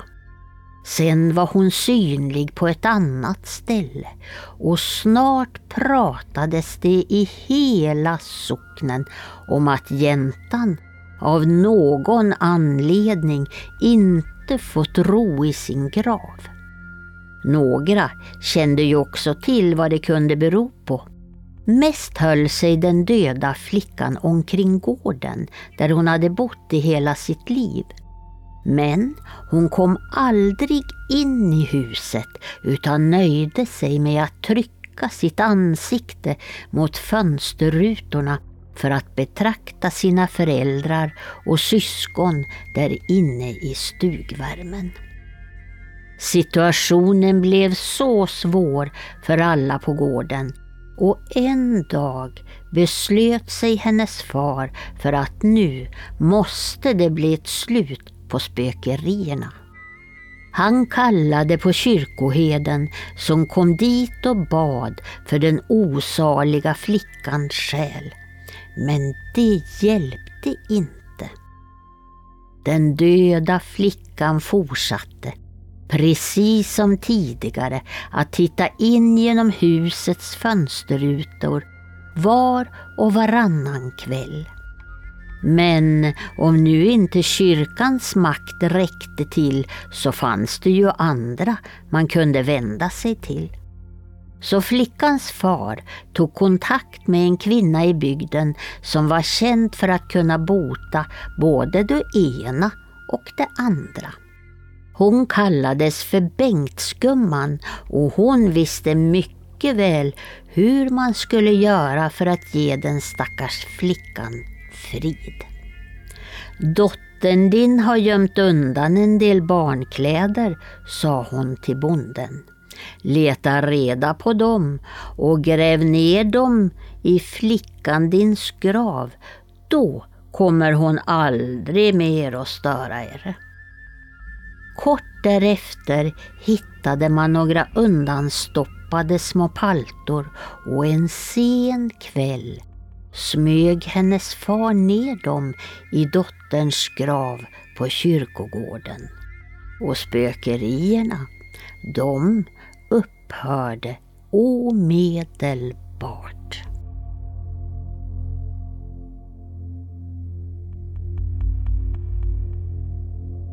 Här hade vi ju en eh, väldigt spännande berättelse ifrån eh, Gästrikland. Och det här var ju rätt eh, kul, Tommy, för att här är det ju lite grann som vi pratade om innan, just att eh, den här stackars fadern, han gick ju till, till eh, kyrkoheden först för att få hjälp, men det funkade ju inte riktigt, så att han fick ju till slut gå till den här kvinnan då som var väldigt klok och visste hur man skulle gå tillväga.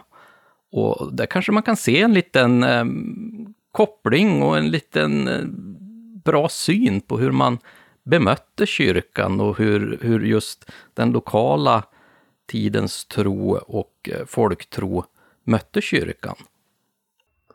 Ja, eh, den kloka visste ju mer än prästen i det här fallet då, visar det sig. Mm. Eh, vilket är spännande, men jag tycker någonting som är fantastiskt, den här har införlivats i en samling berättelser, spökberättelser från Gästrikland av Ulf Ivar Nilsson. Och den här boken har ett så pass bra namn så jag måste nästan nämna det här, för den heter Gastrikt land och är från 2007. Så det är en rolig liksom, variant av Gästrikland, Gastrikland. Men visst, jo, och här är det ju återigen, det är någonting som inte stämmer, som, som stör alltså den döda. Och den döda vill ha någonting. Eh, och så fort den får det den är ute efter, då upphör spökerierna.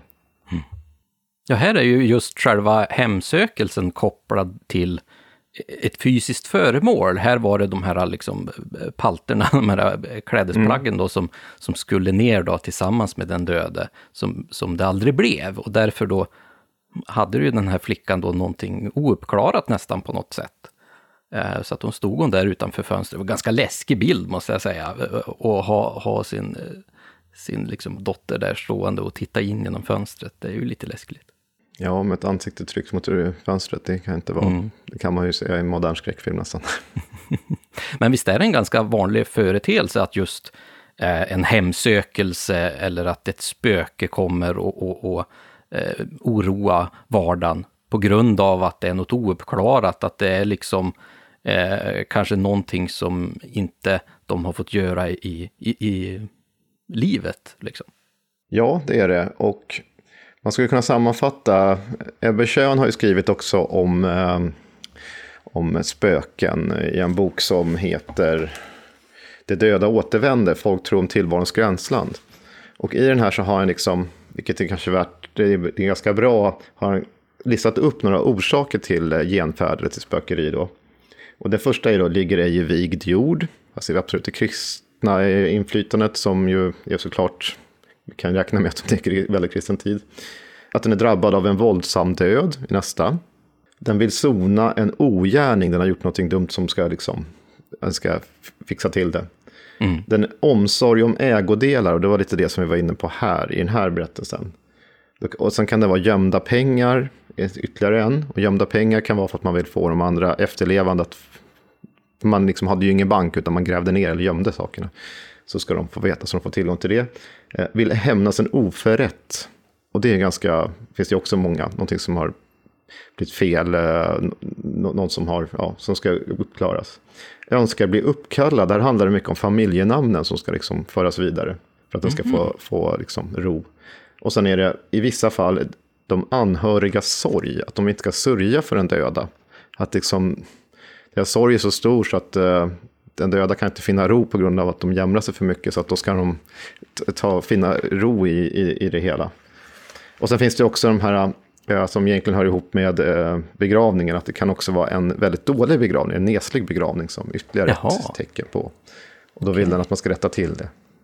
Ja, och vi kan ju inte prata om spöken och vålnader och gastar och livet efter detta utan att liksom beröra det här med den mänskliga själen. Vi har pratat lite grann här under eh, den fornordiska tiden om just hugen och liknande, men vi, vi tänkte vi skulle få lite bättre kött på benen här. Hur man såg på den mänskliga själen under just äldre tider. Och därför har vi då gjort en liten intervju här med Eva Karlsson Werle som är filosofie magister i religionshistoria. Och hon har även skrivit den här boken Vålnaden går före från 2010, där hon just berör det här ämnet om hur man ser på själen och dess varelse i äldre tider.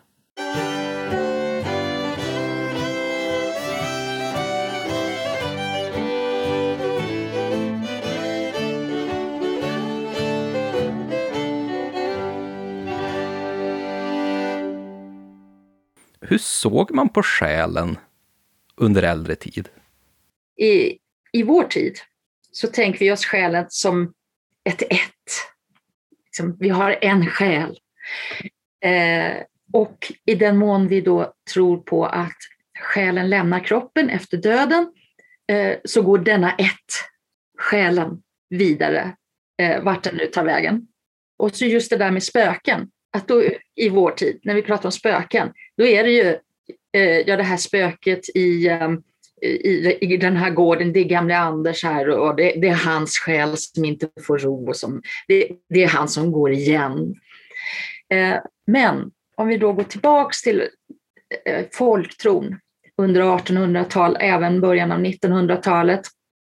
Själen var inte ett, den var så att säga tudelad. Om, om, vi, om vi inbegriper det som jag nyss sa det här med en människas personlighet, hennes kogn hela kognitiva, vad ska man säga, apparat med känslor, känsloliv, intellekt och så vidare.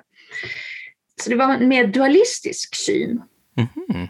Människan då hade enligt folktron eh, en fri själ som kunde röra sig ut och in ur kroppen, alltså redan i livet. Den rörde sig ut och in. Den, den var som eh, om man ska beskriva den, som i den andliga världen ett slags reflex eller spegelbild av människan. Alltså, hon var ett slags alter ego i andlig form. Hon, säger jag, men är det en manlig person så är det ju en han då. Och så har den en viss förmåga. Till exempel en av dess huvudsakliga förmågor var att varsla. Jaha. Mm. Så att, eh, en vanlig berättelse är att man hörde så att säga innan när eh, far kom hem. Man hörde precis hur han kom gående eller kanske åkande med häst och vagn där och uh, lastade av och kom upp på förstubron. Och sen hörde, så hördes inget mer. Men så dröjde det kanske någon halvtimme eller så och sen så hördes samma ljud igen och då var det han på riktigt. Så då hade vården kommit till för, liksom varit innan, så att säga. Vården går före. Och det, det var så man sa ofta, han har vård med sig eh, eh, som går före. Och, eh, så att den här vården, den hade också en lite glidande roll. För den, det var dels den här som den här andliga alter egot, så att säga knuten till personen. Man, man kunde inte leva utan sin vård. Alltså, eh, det, det, finns berättelser om till exempel vålskrämda barn. Man hade eh, råkat skrämma barnet så att vården hade försvunnit iväg. Eh, då blir barnet sinnessjukt. Man måste ha sin vård. Skulle vården försvinna blir man allvarligt sjuk. Eh, så det har en koppling, en stark koppling till personen och hennes fysiska och mentala hälsa. Men så, så var det, hade den även en glidande funktion som skyddsande. En personlig skyddsande som följde eh, personen genom livet. Det är det vård handlar om, ordet vård. Det kommer från varver, eh, eh hur det nu uttalades eh, i forntida språk, som står för vakt, hägn, eh, att akta, att värna, att eh, ja, eh, skydda, alltså sådana såna betydelser. Är det även där som man kan koppla till just de här vårdträden som man, ha, man hade på gårdarna förut, som, som skulle i tron liksom skydda gården och man skulle värna ja. om just själva trädet? Just Precis. Eh, jag håller på med vårdträd faktiskt i ett projekt just nu. Så att, Nej, det är exakt så. Exakt så. Jag vet att du ställde eh, innan här fråga eh, om på kristen hur kristendomen har påverkat synen på själen. Och det finns en liten, det är väldigt lite ska jag säga, som eh, det, det, det märks, det kristna påverkan i den här själsföreställningen förr. Men här när det gäller den här vården i egenskap av skyddsande så kan man lite grann se en sådan. Alla har väl säkert sett sådana här kolorerade Idag köper man dem på vykort, men förr i tiden var det som tryck som man gärna ramade in och satt, liksom, hängde som eh, i barnkammaren. Eh, en sån här tryck med en sån här ängel i en väldigt vacker klänning, eh, röd eller blå. Jag hade en sån där eh, i, i mitt eh, barndomsrum, det är en stor ängel och så är det två barn som, jag tror de går över en eh, en liten bro. Det där är en ja. väldigt tydlig bild vet jag. Ja, precis. Man kan säga att det här, och man, även när man kommer så långt fram som in på 1900-talet så kan man ibland använda ett sådant ord, vålängel till exempel, mm. eller vårdängel eller eh, skyddsängel. Men eh, det är i praktiken den här vården, men som har fått en lite mer kristen eh, dräkt mm. eh, här eh, på sen tid. Eh, för om man då lämnar vården som den ena sidan av själen och kommer till den andra, så är den eh, djupt förankrad i kroppen. Och här i Sverige, i svenska källor, så, så benämner man det oftast, inte alltid men oftast, blodet. Själen, har någon sagt i en sån här uppteckning. Själen, den sitter i blodet och livet. Vi vet ju det, att när någon dör, då skiljer sig själen från kroppen. Men det gör ju blodet också. Eh, och så är det ett miss, miss, mischmasch här med, mellan kristet och, och folktro. Men man tänkte sig att själen satt i blodet och var så att säga den givaren av liv. Det var, det var den som gjorde att människan levde. Det var den som liksom gav livskraften. Du nämnde här i mejlet som du skickat till mig förut, Hugen. Mm. För här kommer vi till något som är någonstans med, emellan blodet och vården. Eh, så den ingår också lite i, i den här, så det blir nästan som ett tredje. Hugen, eller hågen på svenska, var framförallt kopplat till ehm, eh, starka känslor, eh, önskningar. Och den var mer tätt ihop med kroppen än vad vården var, men den hade möjlighet att så att säga påverka på avstånd. Den hade möjlighet att, ja, eh, om, man, om man säger lämna kroppen eller i alla fall stråla ut den, man ska säga, mm. och påverka andra människor. Och gärna ondskefullt. Vården beskrivs regels, det är någonting gott, det är någonting fint och det är väldigt tursamt att ha en stark eh, vård. Mm. Hugen, har man en stark hug, då får man med sig otur, man, man, eh, man kan skada ja, omgivningen eller människor i omgivningen. Eh. Men det är ju otroligt spännande här. Men nu, nu pratar vi också om spöken och, och, och spöken är ju oftast eh, någonting som har uppstått av en död människa. Vad hände egentligen med den här eh, vården och hugen och, och den här djupare själen när personen dog? Ja, grejen är att det beskrivs inte som att de gick vidare någonstans, de här olika. Eller ibland kan man väl säga att vissa berättelser ger associationer till någon av de här. Det finns ju den här scenen i um, Bröderna Lejonhjärta när Skorpan ligger lungsiktig och uh, är sorgsen för att hans bror Jonathan är död. Och sen så plötsligt så får han syn på en vit duva som kommer och sätter sig på fönsterbrädan eller bläcket. Och, och, han blir så övertygad för han förstår ju att detta är eh, Jonathans. Eh, och det här påminner ju lite om vården, för vården kunde uppenbara sig som till exempel en fågel eller fjäril eller en mus eller, eller så, även liksom i levande livet. Eh, så det här ger associationer till, till vården. Det finns sådana berättelser i folktromaterialet också. Sen finns det berättelser om blodet. Någon som orättfärdigt blev mördad eller det kan också vara någon som, som eh, råkade ut för en olycka och dog liksom i förtid.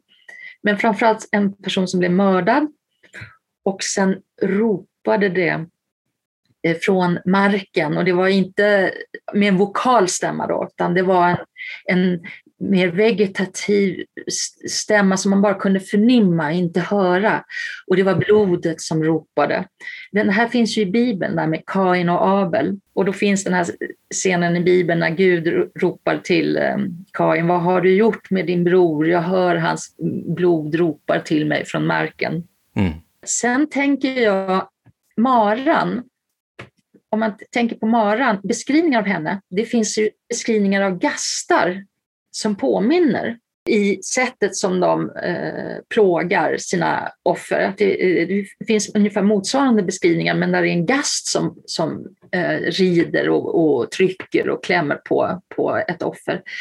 Det, det, finns olika spöken, kan, eh, man kan få lite associationer till eh, de här eh, olika eh, själsaspekterna.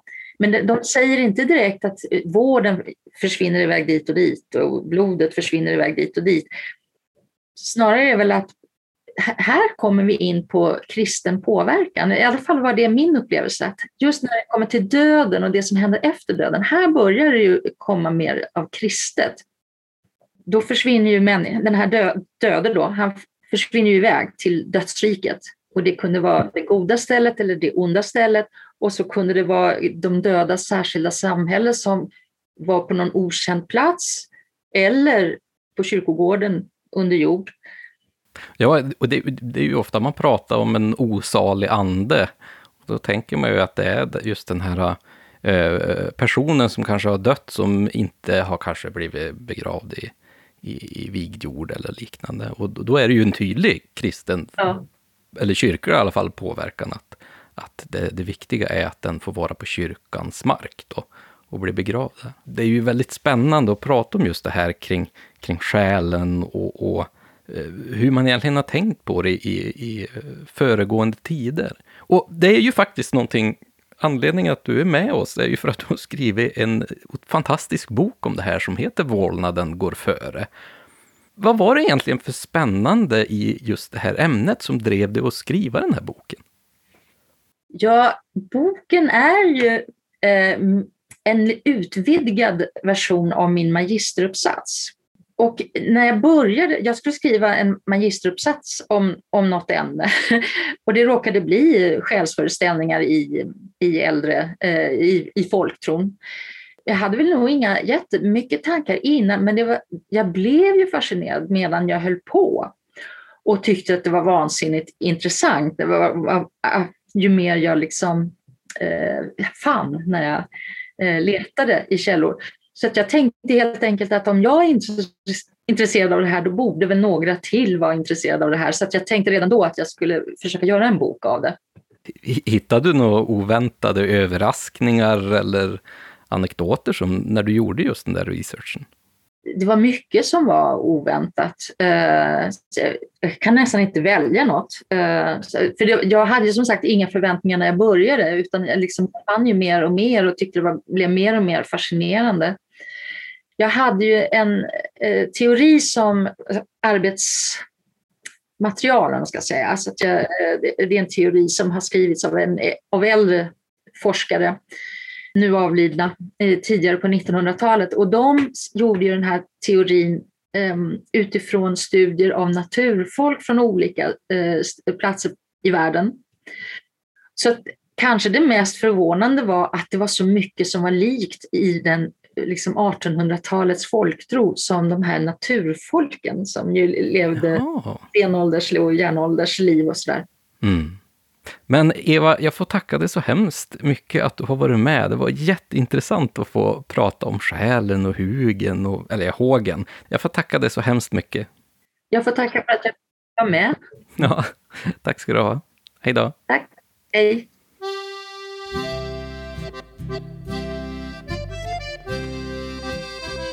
Här pratar vi ju aldrig om gastar.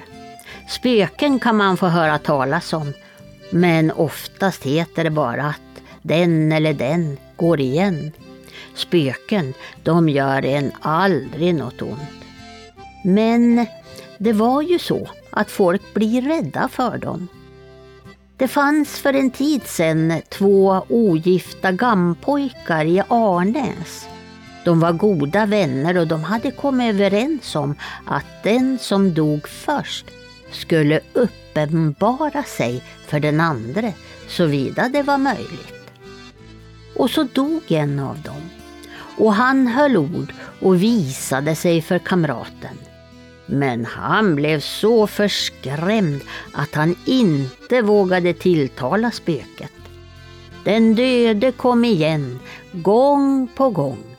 Till slut gick den efterlevande till prästen för att möjligen få veta hur han skulle bära sig åt för att få frid.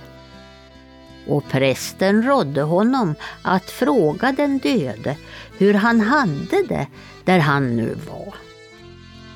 Och när han äntligen tog mod till sig och framställde frågan, då svarade den döde kamraten. Det är klent det. Och sen for han iväg i ett eldsken och visade sig aldrig mer.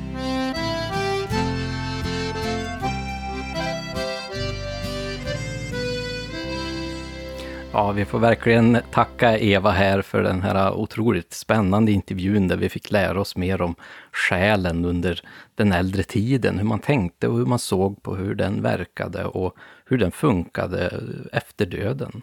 Och här, här hade vi ju en väldigt eh, rolig eh, historia, tycker jag i alla fall. Den här är från Gideå i Ångermanland och det är mitt grannsamhälle här i Örnsköldsvik. Så att det var lite kul. Och jag tyckte den är lite rolig. Det, det är lite typisk eh, berättelser här uppe att de har den här lilla komiska twisten på slutet. Och att eh, han frågar här hur sin döde bror, hur det är egentligen efter döden. Ja, det är klent det. Det är inte så mycket att stå efter. Och så försvann han där i, i i ett eh, slag.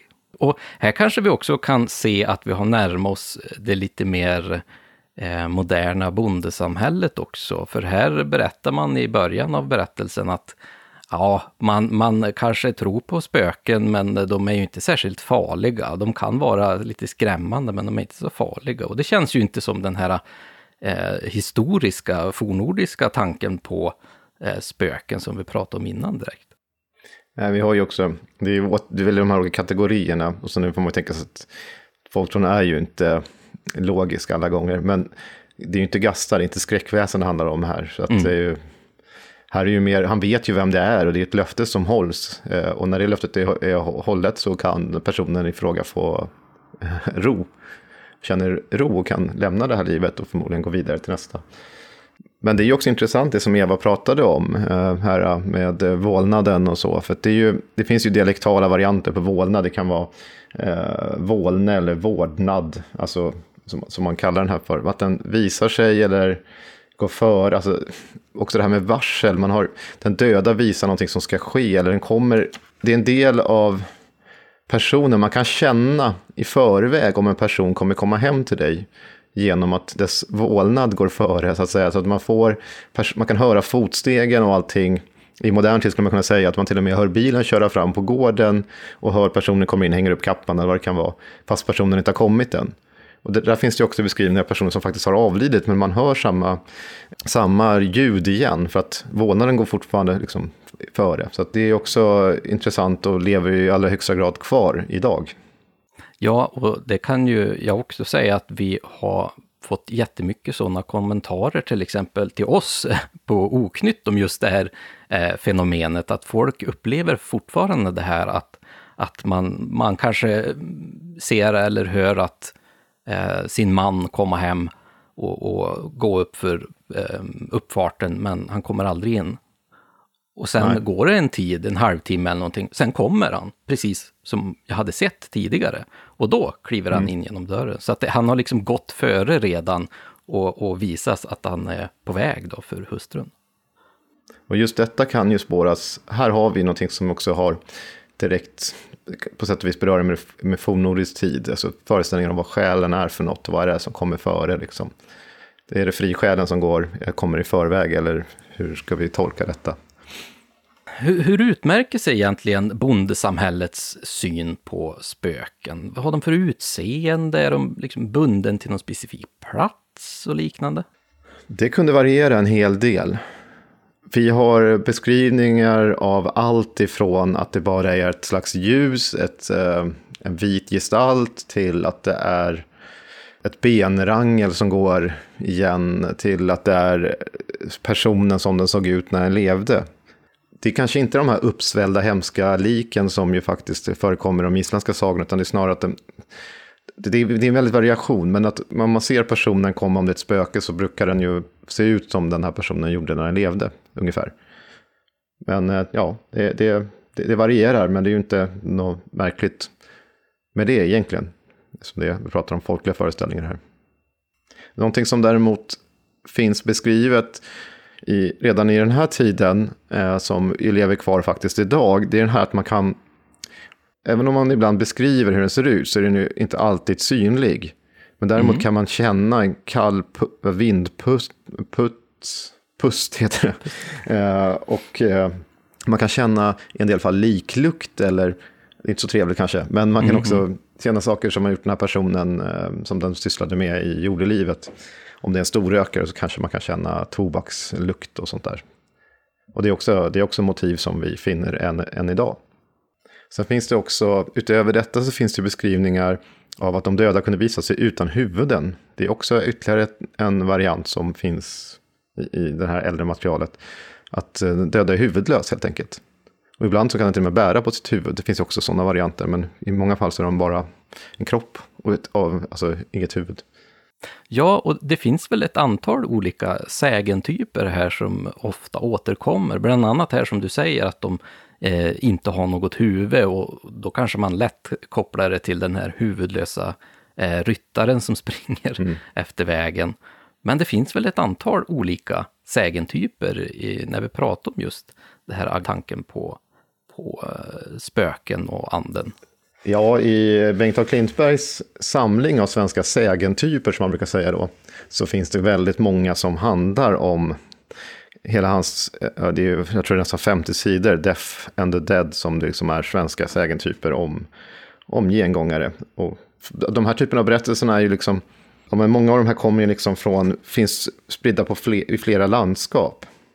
Eh, så att de är, de är spridda som han har en murder victim reveals crime. Och det betyder att en person möter en gengångare som avslöjar att han har blivit mördad och eh, vem som är mördaren. Hans gömda då lik, eh, man hittar det i, i den här sägnen då. Eh, och eh, begraver det och sen så straffar man eh, mördaren, får sitt straff och då kan han finna ro. Och den här exempelvis finns i hela Sverige och i, även i svenskbygderna i Finland, svensk Finland. Då, så. Och och vissa andra kanske bara finns i något landskap och vissa finns i flera närliggande landskap eller spritt på olika håll. Och sånt där hittar man i hans, hans eh, beskrivning här. En annan vanlig som vi har faktiskt läst upp en gång, det är väl just den här att det dödas julotta också. Den finns ju i mm. många olika format.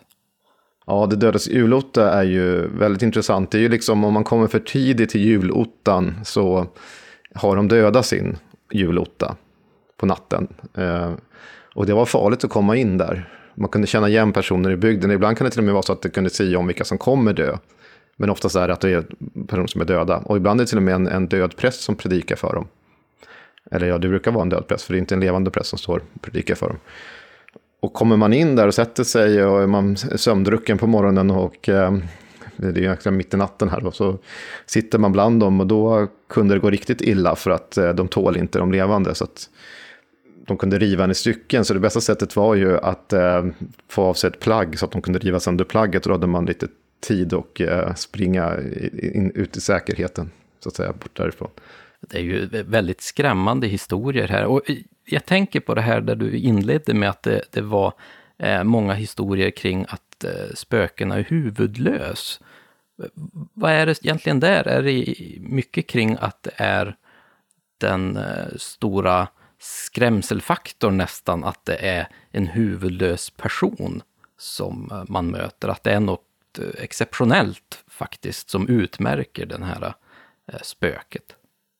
Jag tror det också har att göra med själsföreställningar och tanken på att liksom, personen inte riktigt är här. Det är skrämselfaktorn, alltså en skräckfaktor i att en person inte har ett huvud, men det också har med själens ät och sådana saker att göra. Jag tror att det blandas men. I många berättelser, som, åtminstone som jag har läst, så tror jag att det är rent sådana här eh, skräckmotiv. Mm.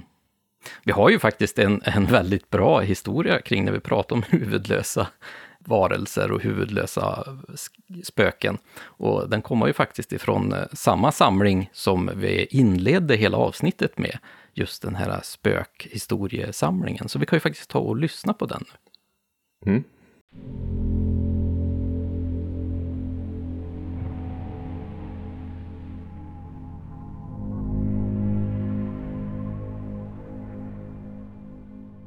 Numera är ju varken barn eller äldre personer rädda för spöken och allra minst jag.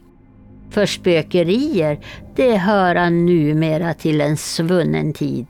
Men trots detta så finns det verkligen en plats i närheten av en korsväg nere i Kronobergs län som jag inte ensam skulle våga färdas förbi en natt mellan klockan 11 och 2. Nej, inte för allt smör i hela Småland trots att jag är fattig.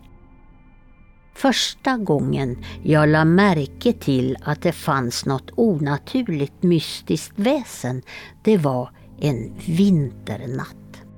Mitt sällskap hade sin hund som hette Boy med sig. Och just som vi passerat där vägarna korsades trängde hunden sig emot oss och liksom ville mota oss tillbaka. Mitt sällskap tog då hunden i halsbandet och skulle försöka få honom framåt, vilket icke lyckades enär hunden gjorde kraftigt motstånd och tjöt, varför han släpptes. Så rusade han tillbaka över vägkorsningen och inåt skogen och sprang så en lång omväg för att nå oss. Flera gånger var hunden i vårt sällskap, men var det nattetid, då tog han alltid skogsvägen förbi det mystiska stället. Så en kväll, när vi skulle på en bjudning, beslöt vi oss att hunden inte skulle vara lös den kvällen då vi vid tolvtiden på natten voro på väg till min bostad och kommo till den mystiska platsen sa vi båda på en gång, det är ju boj, eller, eller vad är det för stort djur som tassar framåt? Sedan tyckte vi att det var en människa som kröp och strax därpå försvann. Någon tid därefter passerade jag platsen i sällskap med en annan person. Klockan var omkring elva och skogen stod svart och skrämmande i det dunkla månljuset. Då såg jag tydligt en kvinna som stod där bredvid vägen. Hennes klädsel var något jag inte kan beskriva men ansiktet hade samma färg som gråaska. Genom ett fastare grepp om min arm förstod jag att även min kamrat blivit rädd. Vi nämnde inte ett ord mera den kvällen och jag sov inte en blund om natten. Senare hörde jag att det fanns personer på orten som kallade den platsen för ortens spökställe. Jag kunde aldrig senare lyssna till vad folk där sett eller vad som i en svunnen tid där hade hänt. Ty då framkallades de svåra känslorna i både hals och bröst som jag kände vid de tillfällen jag hade blivit skrämd på det stället. Jag är inte rädd nu, men jag är glad att jag inte bor där i närheten längre.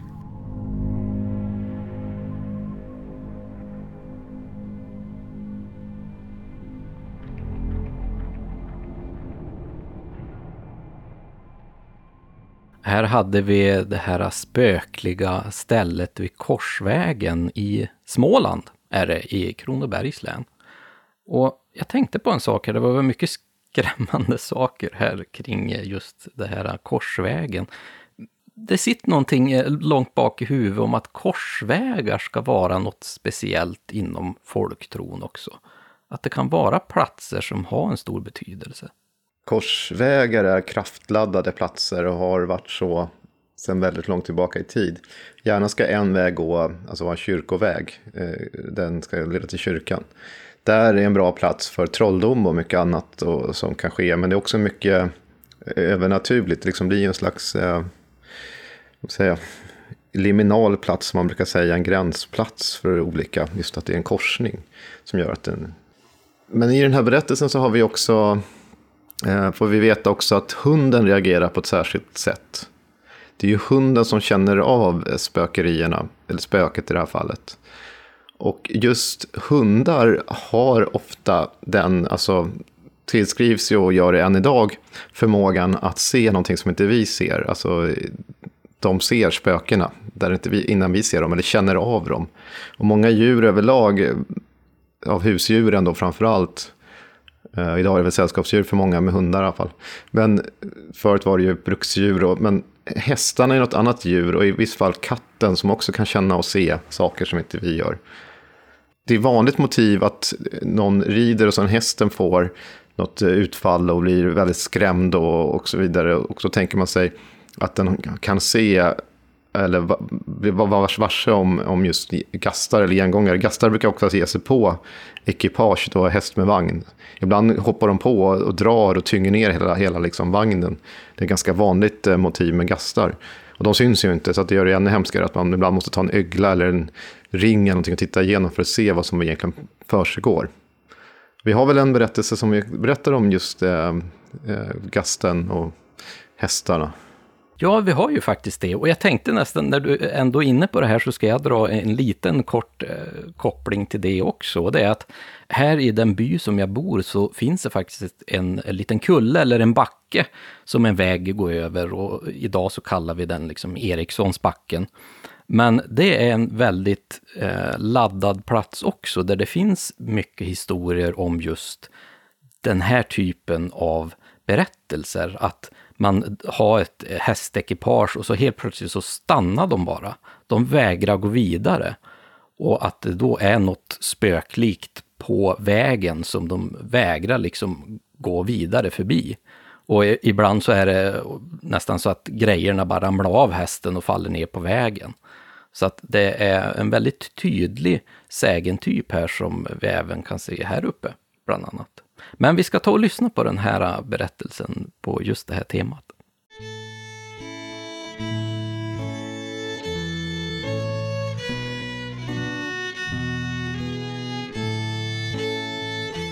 Ja, det var ju inte alls så många år sedan som det var en bonde som for ner till Umeå. Och då på ett ställe där på vägen, där det var långt mellan grannarna, då hästen började på att dra så tungt och hur han än slog på hästen sin så fick han inte fram en. Då hade han gått fram till betslet. Och då han ledde hästen, ja då gick det. Men då han släppte taget, ja då var det likadant. Men då vet jag inte hur det var, men han fick se att det satt fullt med folk bak på lasset. Men då hade de försvunnit. Han hade sagt hemma att det var det värsta han hade varit med om. Men det var ett ställe där på Umevägen som det var spökigt på.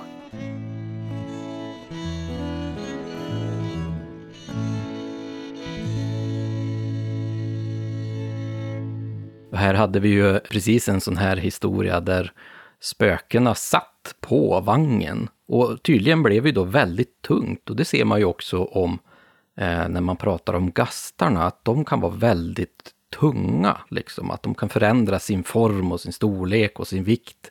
Då, just den här historien är ju då från Bygdö i Västerbotten och det är ju från Ella Olstedts eh, norrländsk folktradition. Då. Och det är ju en ganska fascinerande tanke det här att, att hästen rakt stannar för att det, antingen är det något på vägen eller som i det här fallet så gick ju liksom inte att dra hela ekipaget framåt.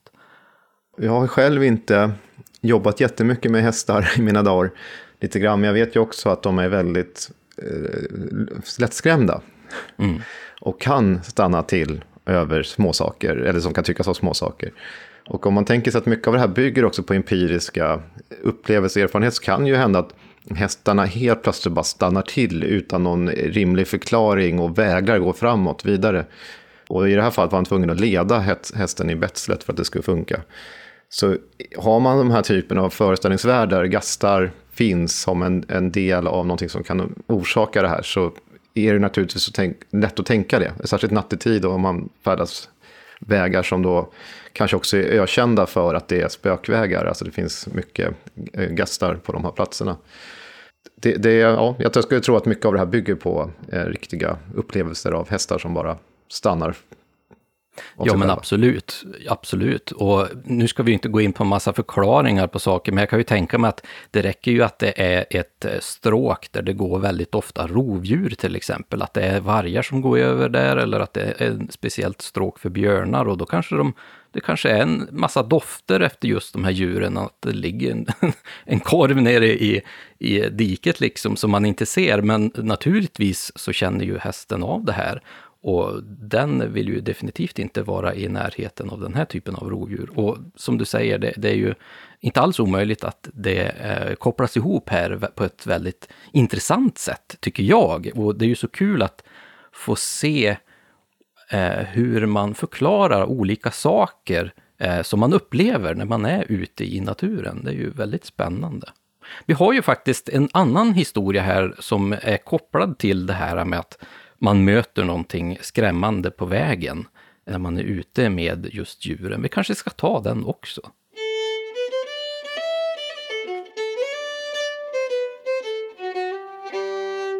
En gång hade jag varit i Linköping med järn och när jag kom till Marieberg då sa de åt mig att ligga kvar där eftersom Olle i Svantebohammaren nyss hade dött.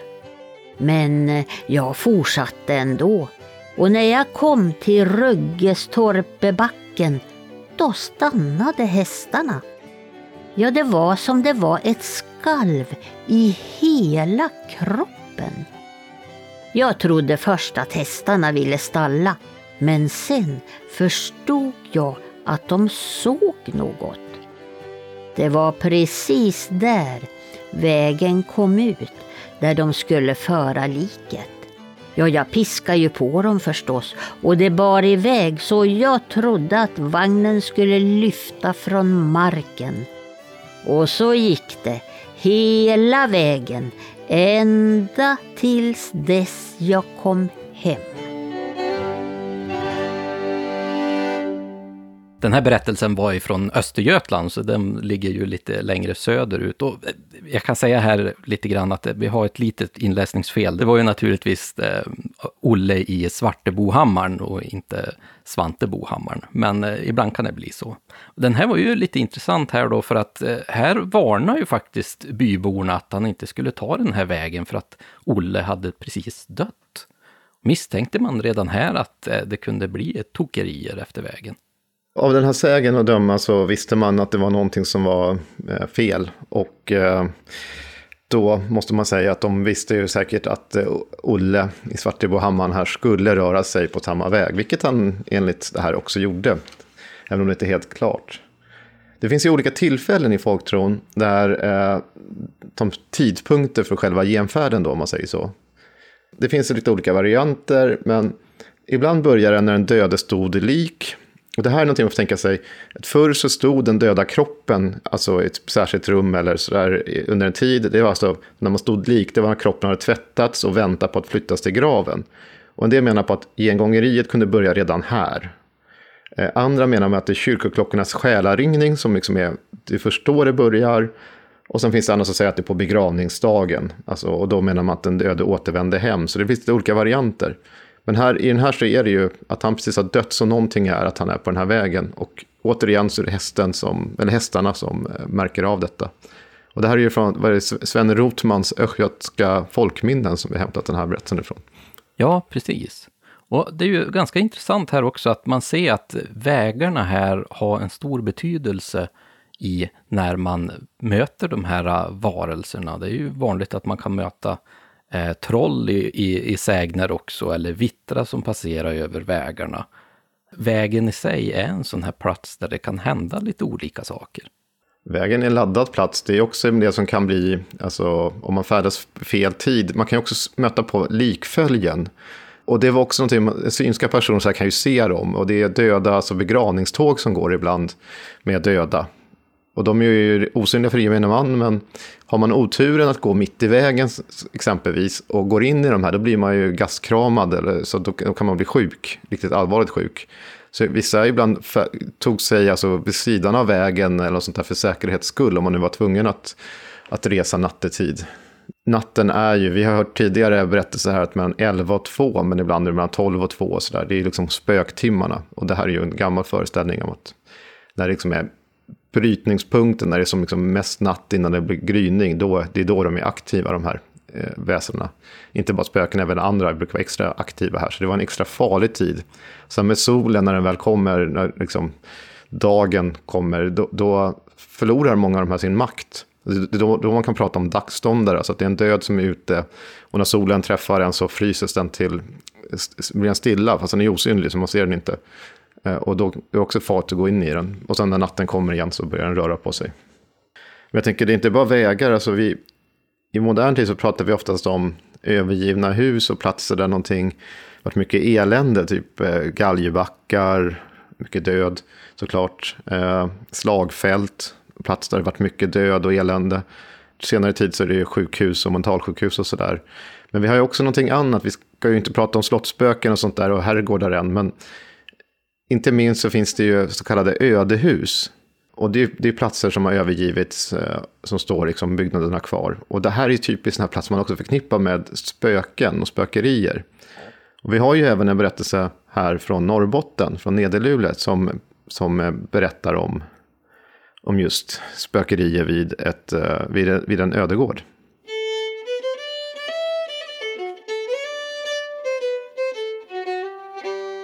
Det var en ödegård där uppe på Brändön på ett ställe där folket hade rest till Amerika. En dag gick jag förbi där och när jag kom förbi ett av fönstren så dånade det till där inne som om stora klappar hade fallit ner från taket till golvet. Och jag blev så farligt rädd det var ingenting naturligt alls, för där på gården var allt låst och stängt. Och förresten så var det något underligt där. En gång hade de ju sett en kar utan huvud på en lägda där framför.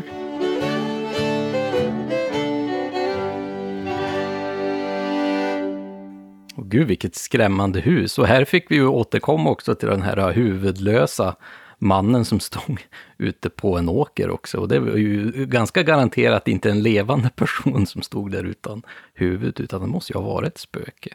Jag har faktiskt, eh, Tommy, en liten relation själv till just det här med ödegårdar och spöklika och skrämmande ödegårdar. Det är så här att när jag var liten och bodde hemma hos mina föräldrar så brukade jag oftast eh, springa iväg till grannen eh, som var min släkting och vi lekte väldigt mycket tillsammans. Och för att eh, springa iväg där ut på den stora vägen så måste man passera ett stort gammalt timmerhus som är tomt sedan väldigt, väldigt lång tid tillbaka, som ägdes av en herre som heter eh, Nils Gerhard Wiklund, eller Gruve Wiklund, som vi kommer säkert att prata om i kommande avsnitt.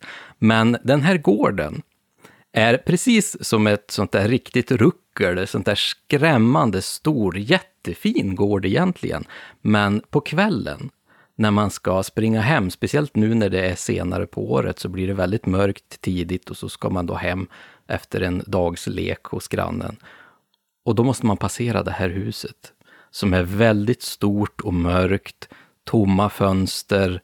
Och jag minns väldigt väl att det var en, en, en eh, um, farstukvist på det här huset. Och på det taket så hängde det ner två brädor rakt ner, som såg precis ut som två ben som hängde ner igenom taket. Och det var så fruktansvärt hemskt. Eh, så att jag vet att många, många gånger när man gick förbi det där huset så antingen sprang man eller så försökte man bara att titta rakt ner i backen för att inte behöva se på det här huset. För man tänkte att det värsta som jag skulle kunna uppleva om jag tittar på det här huset, är att jag ser någon i fönstret eller att jag ser något ansikte eller någon som är där. För att där ska det inte finnas någonting, det är ett ödehus. Och just den här skräcken och den här ah, osäkerheten kring gamla tomma hus är ju väldigt stor. Och det förstår man ju också varför vi har de här ah, olika berättelserna också.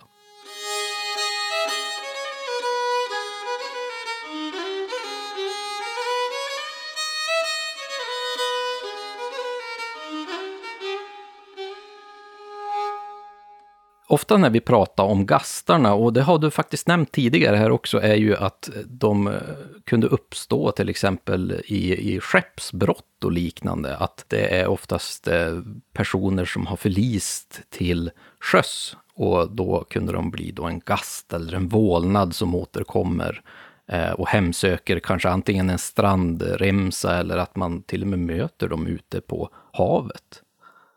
Det är väl också en ganska vanlig sägentyp om jag har förstått.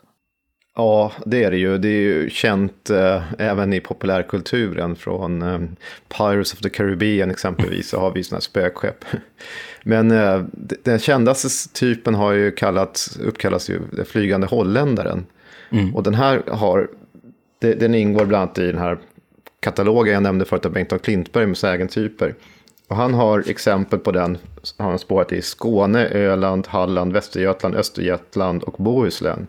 Så det fin den finns liksom spridd över stora delar och en hel del personer har skrivit om det också. Och det här är ju liksom ganska intressant. Dels har vi ju, det är klart om ett, om ett skepp förliser så kan ju det här skeppet fortsätta vid samma tidpunkt, återvända och synas på samma plats. Eh, det är ju skrämmande syn nog. Men sen tar du ju också det här med döda personer som har omkommit till havs kan ju också sköljas upp på en strand och liksom irra runt där, som också är en, en ganska farlig eh, möte. I, i, I, många fall. De behöv, det är också mycket att de har ju inte heller fått ro. De liksom har ju inte...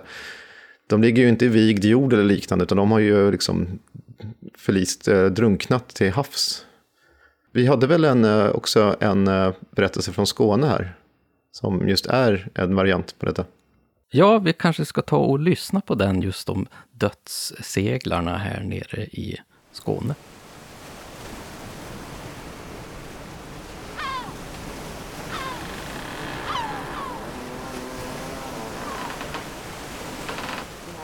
Som pojke var jag i början på 1880-talet med i sillfisket och då for vi ofta iväg ända in mot Bornholm. Jag följde med min farbror på hans båt och han berättade följande händelse för mig.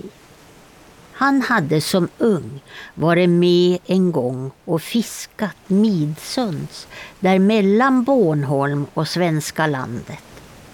De hade fiskat på vrak, som man sa, det vill säga att man lät båten följa efter näten som drev med strömmen. Det hade varit på eftermiddagen och ett stilla och fint väder. De hade satt ut några garn som båten låg och drev med. plötsligt fick de se en fullriggare komma emot dem med alla segel i kant och de hade stirrat helt skräckslaget.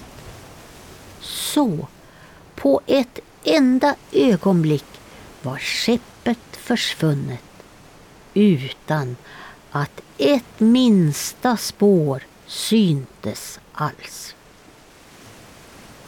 Det var en så kallad dödsseglare. Den förklaring som gavs om det, det var att på samma ställe som där fartyget visade sig hade en gång ett sådant fartyg gått under.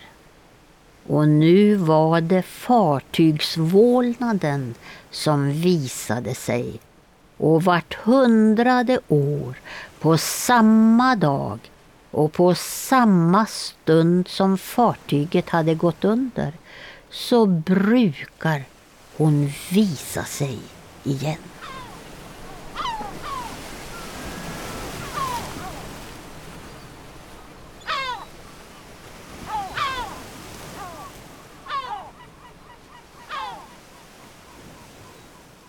Här hade vi ju verkligen det här klassiska spökskeppet som de eh, mötte där ute på havet. Det ju, var läskigt, förstår du, att möta ett sånt här stort skepp som helt plötsligt bara, vips, så är det borta. Det är nästan som att man, man eh, förklarar som att det är skeppet i sig som är det här spöklika vålnaden istället för att det faktiskt var, var besättningen som fanns på det här skeppet. Ja, det blir ju en enhet. Det är ju det är liksom dödsseglare är på det här skeppet. Då, som det är ju samma motiv som vi har i Flygande holländaren. Den här kom för övrigt från eh, Kappelins Kapelins bok Gammalt sed och tro i Kivik, så, 1932. Eh, Men det var ju bara ett exempel på, på det här motivet, som den här sägentypen helt enkelt, som eh, har berättats från flera olika håll. I modern tid så vi har ju andra föreställningar. Dels finns det ju det kvar såklart med eh, skepp som eh, tänks eh, fortfarande visa sig. Eh, vi har ju Bermuda-triangeln och sådana här saker.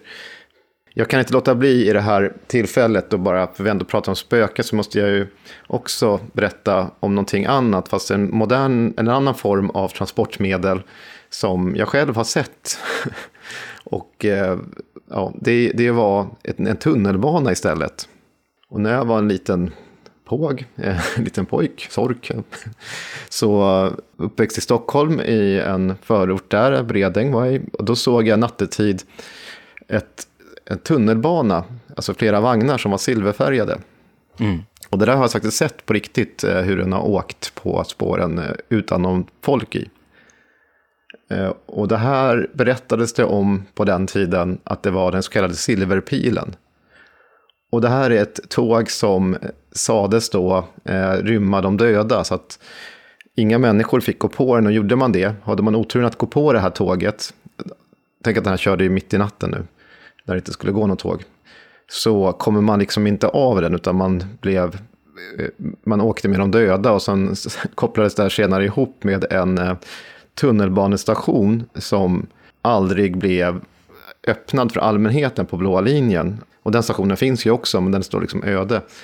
Och det sades om, om att det var där den här silverpilen stannade och då gick som de döda ner till helvetet. Och då var man med där så kom man, fick man gå med dem ner. Det där är en föreställning som finns i varianter på i London och det finns som spårvagnar i Göteborg. Och jag, nyligen fick jag läsa om en spökbuss på liknande sätt i Värmland. Så det är inte helt unikt. Och sen kanske man ska säga att jag har sett Silverpilen eh, och eh, den har funnits. Men vad det egentligen var så var det Stockholms länstrafik som hade tagit in eh, en prototyp då, vagnar som de provkörde nattetid, så därför var den ju tom, mm. förutom en förare. Så att, och senare så har jag åkt i sådana här vagnar, men då kopplades de ihop med andra vagnar i trafiken mm. dagstid, men då var det inte lika skrämmande. Du skulle ju aldrig berätta det där, det var ju väldigt spännande tills du började förklara att det var bara fejk. Men inte fejk, som...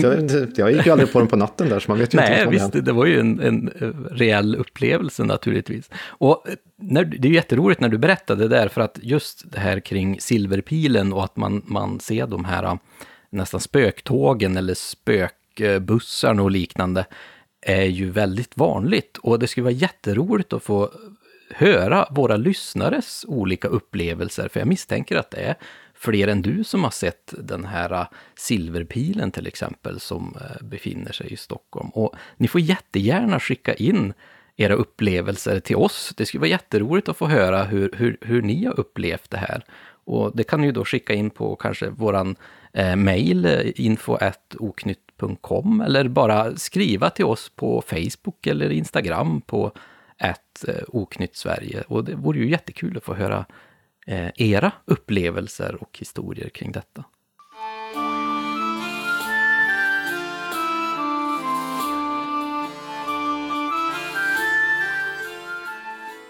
Det var på en prostgård där de hade en dräng. En gång så tog drängen ett lakan över sig, gick till kyrkan och ställde sig på altaret. Prosten kom dit och sa att om det var någon människa så skulle hon tala, men om det var något spöke så skulle han läsa ner det och bannlysa det. Drängen var tyst. Då bannlyste prosten honom så att drängen sjönk ner genom golvet. Sen, då man hade upp altargolvet, så hittade man en järnkrok som var precis som en grytkrok. Prästens piga tog vara på den, hade den i spisen och hängde grytorna på den. Om kvällen då pigan välsignade huset skrattade det i kroken. Pigan sa åt prästen och en kväll kom prästen dit och välsignade rummet. Då skrattade det också i kroken. Prästen frågade vad det var. Då sa kroken, jag är en pojke som har varit bandlyst. Då huset blev välsignat, då for de där onda andarna ut. En var halt och han for först. De andra trampade honom på fötterna och då måste jag skratta så föll kroken ner och blev en människa igen. Och han berättade om allt som hade hänt och skett och vilken prost som hade bannlyst honom. Då var det flera hundra år sedan som han hade blivit bannlyst. Då han hade berättat allt föll han till stoff och då blev han jordad på riktigt.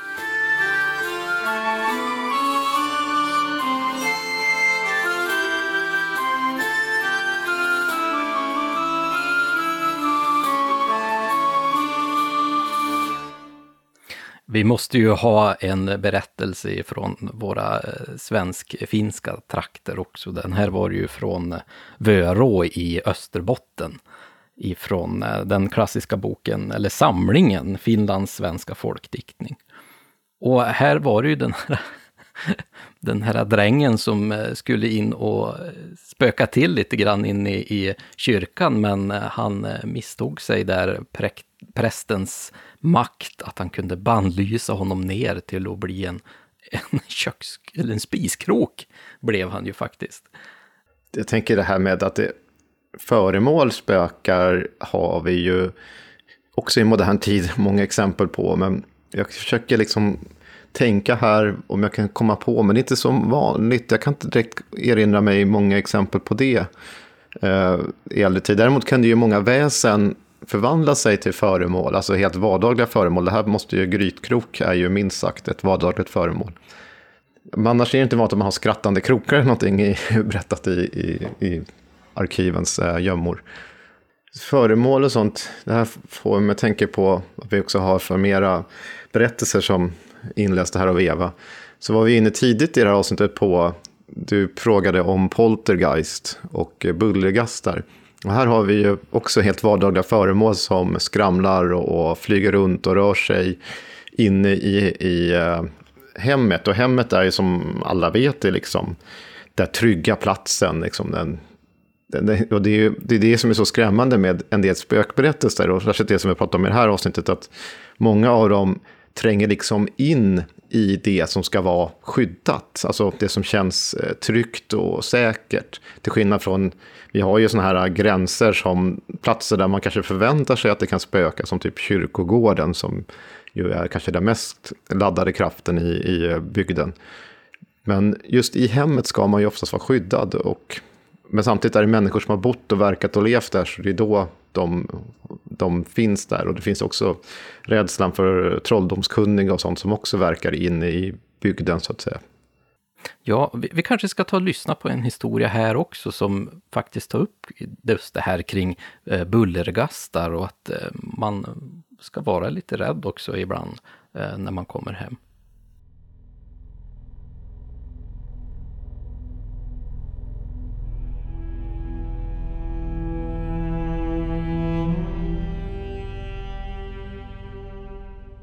Det är ett ställe här som heter Röjden.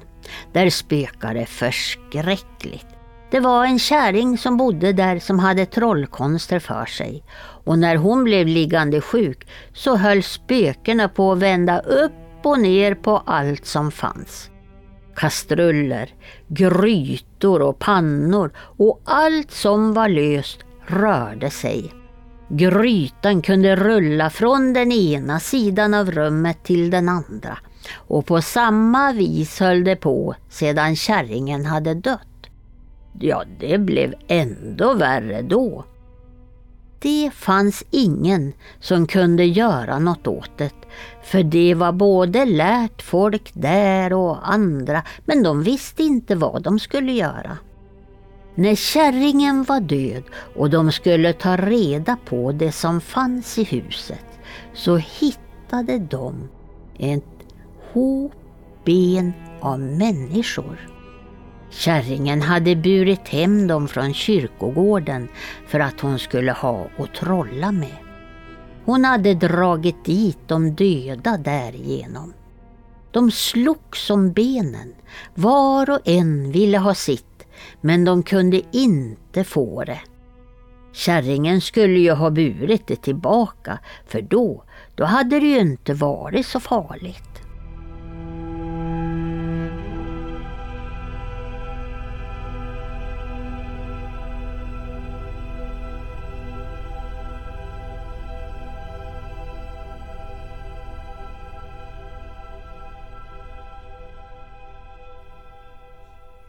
De här bullergastarna ifrån Värmland är ju ganska så skrämmande, men det var ju här eh, den här käringens fel eh, att det blev så här faktiskt, för hon hade ju uppenbarligen farit och stulit en massa likdelar som hon hade tagit hem.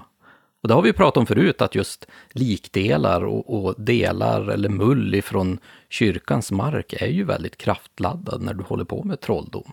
Men här så följer ju det följde ju med mer än just eh, bara de här eh, skelettdelarna.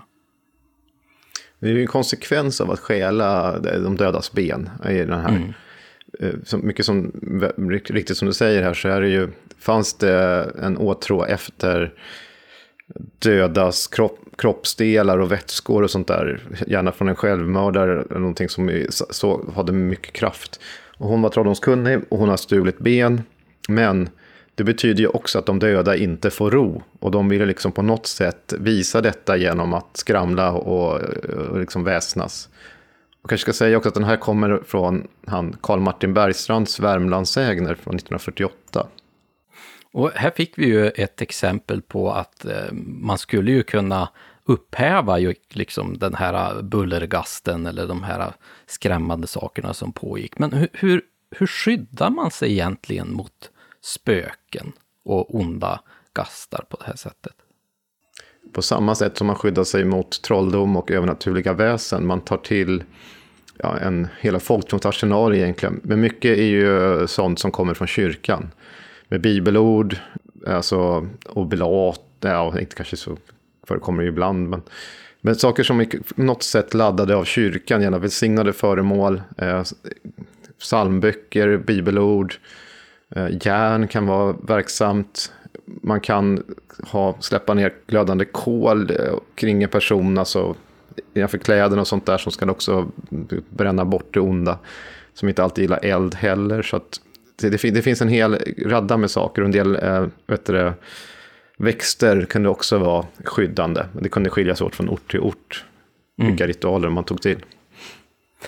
Det känns ju ändå som att det finns en hel del moralberättande i de här historierna också. Att just det, men till exempel att man, man måste se till att ordna sitt innan man, man eh, dör eller att, att man ska vara en god människa till exempel, för annars så, så kan du inte komma in i himmelriket utan bli fast kvar här också.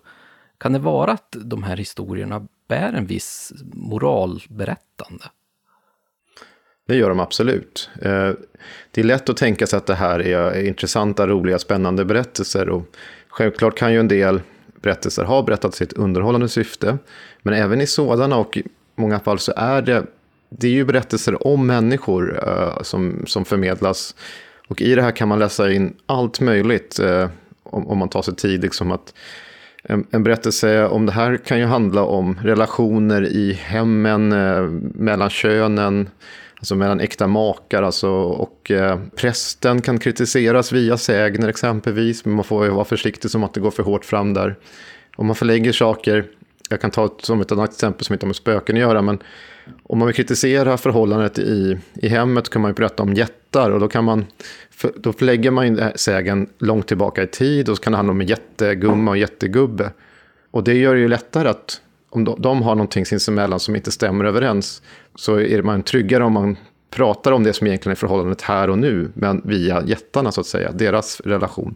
Och samma sak är det med döden, det är någonting, människorna vill ju komma, bli begravda i vigd jord, man vill få saker uppklarade, man vill att allting ska gå rätt till, att liksom, det, ska, det ska finnas en ro. Och de här berättelserna tar till stor del upp det.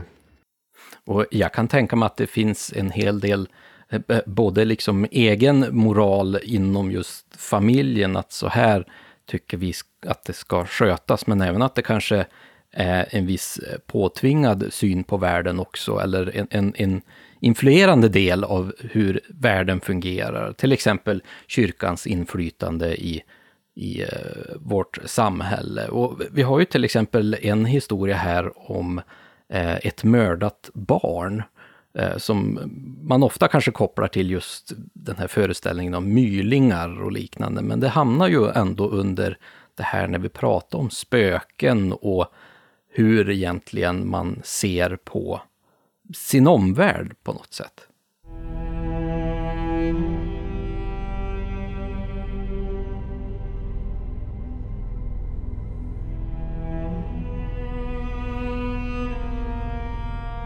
Ett sällskap var på hemväg från en marknad och när kvällen kom bestämde de sig för att övernatta på en holme.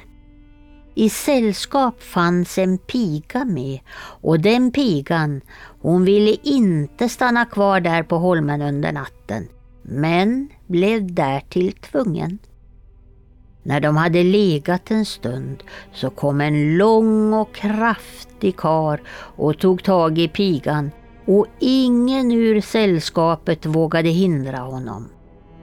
Den långe mannen skulle ha sagt jag har inte fått suga dig på 18 år, men nu ska jag suga dig så fan tar dig. På morgonen skulle de ha hittat pigan död. Det sades att hon skulle ha fött ett barn i löndom och sen gjort sig av med barnet. Just där på den holmen.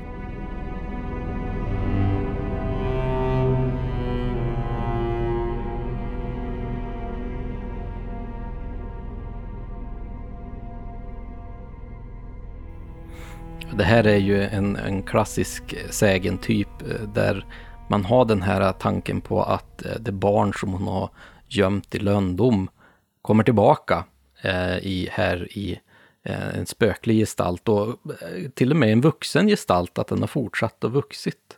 Och ska hämnas då på sin eh, mor som inte lät den varken leva men heller kanske inte bli begravd i vigd jord. Men, men vad, vad, vad pratar han här om att han ska suga för någonting? Det är ju brösten, han ska dia. Eh, den här är från Svärta i Sörmland förresten. Eh, hämtad från Bengt af Klintbergs Svenska folksägner. Eh, det här är ju en sägentyp som finns belagd ifrån ehm, Halland till Lappland, men den vanligaste i Svealand. Så det finns ju väldigt många varianter. Men det visar ju på att eh, det är ett, ett slags hämndmotiv som finns där. Att hon har mördat det här barnet och lagt det på en holme. Och av en eller annan anledning så hamnar hon där igen och då kommer hon straffas för det hon har gjort.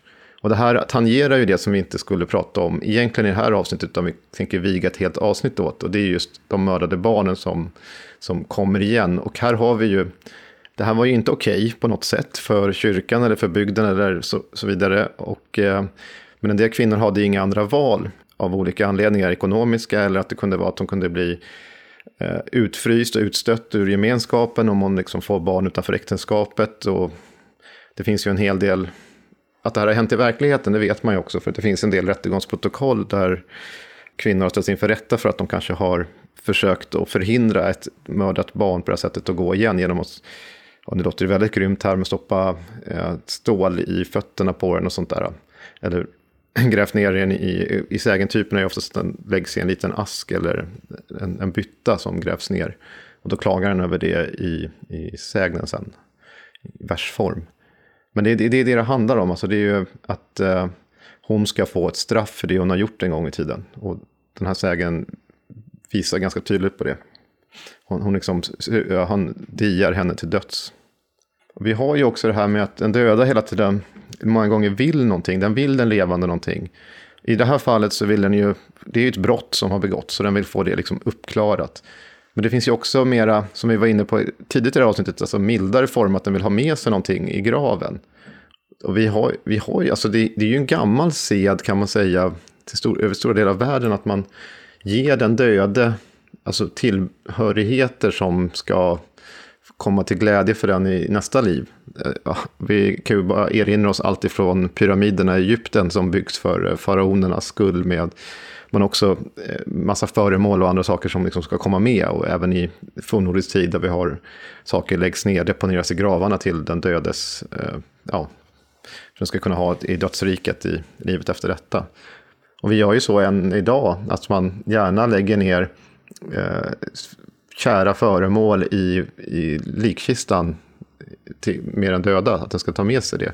Så även om vi kanske rationellt tänker att ja, men det där har väl ingen betydelse så är det ändå en känslomässig sak att man ger en döda någonting. Det finns ju ändå säkert någon slags förhoppning som vi ändå håller, bär med oss att, eh, att den kanske, tänk om, och då kanske den ändå har den här eh, nallen, favoritboken eller eh, föremålet med sig i, ja, i fortsättningen i livet efter detta. Då, om det. Och en tradition som jag vet inte om många kanske utför den fortfarande idag, men när vi tänker på julafton till exempel så var det ju en sed att man skulle låta julmaten stå kvar på bordet under natten för att de döda skulle hitta dit och att man även skulle ha ljuset på under natten så att de hittar dit och kan också få ta del av den här festmåltiden. Och det är ju en intressant tanke också på att man faktiskt vill, vill offra eller kanske värna om de efterlevande också som finns kvar. Mm. Och där finns det också, ja just det, jul är ett bra tillfälle för där tänktes de döda vara särskilt aktiva och återvända. Eh, vi har också föreställningar om att man häller ut libationsoffer som man kallar det för, en del dryck till den döda. Som de ska ta del av. Eh, det är också en gammal sed som finns också utspridd över stora delar av världen. Men också här i bondesamhället finns det också det här eh, berättelser om hur den döda har dött och man dricker gravöl och sen återvänder den döda. Den går ju tillbaka till hemmet där den kommer ifrån. Och också för att ta del ibland av själva alltså ölet som man har bryggt för, för den döde.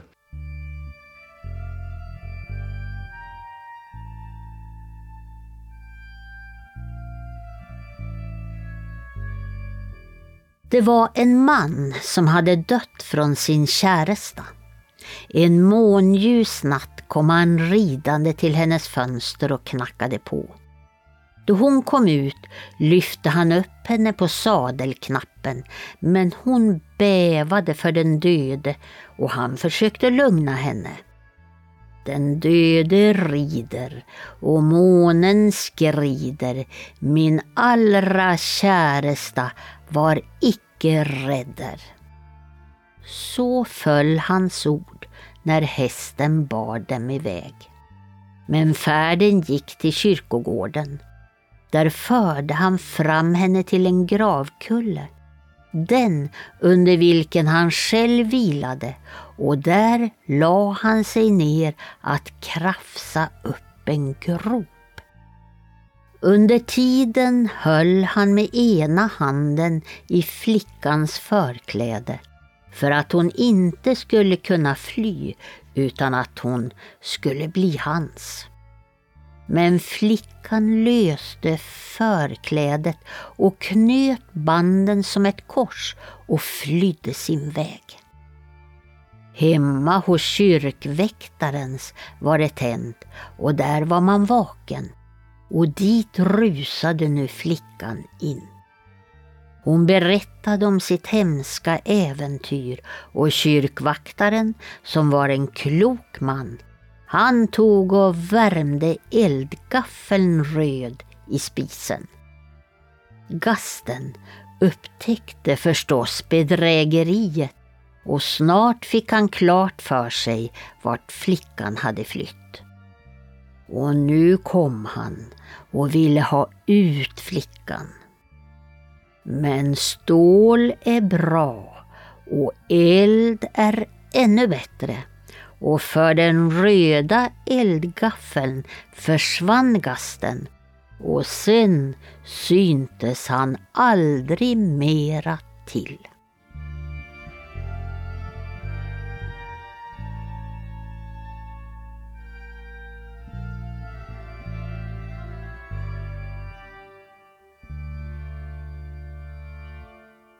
Alltså Tommy, här hade vi ju en riktigt bra avslutande historia tycker jag, för att den, den, den samlar och sammanfattar så mycket av det vi redan har pratat om idag. Och den här var ju då ifrån Kristala i Småland, från eh, eh Per Söderbäcks Sed och sägen i en Smålandssocken.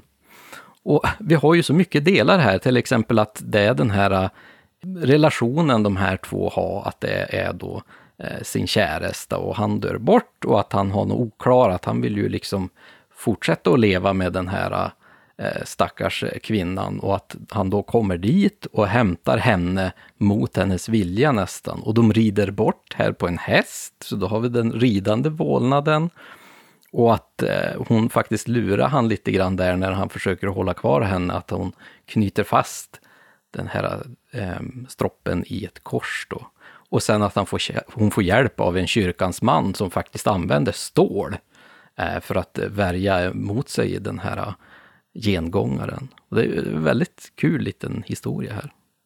Ja, det är en spännande berättelse och den finns ju också varianter på från olika håll. Så den, jag tycker också att den, den sammanfattar mycket av det vi har pratat om idag.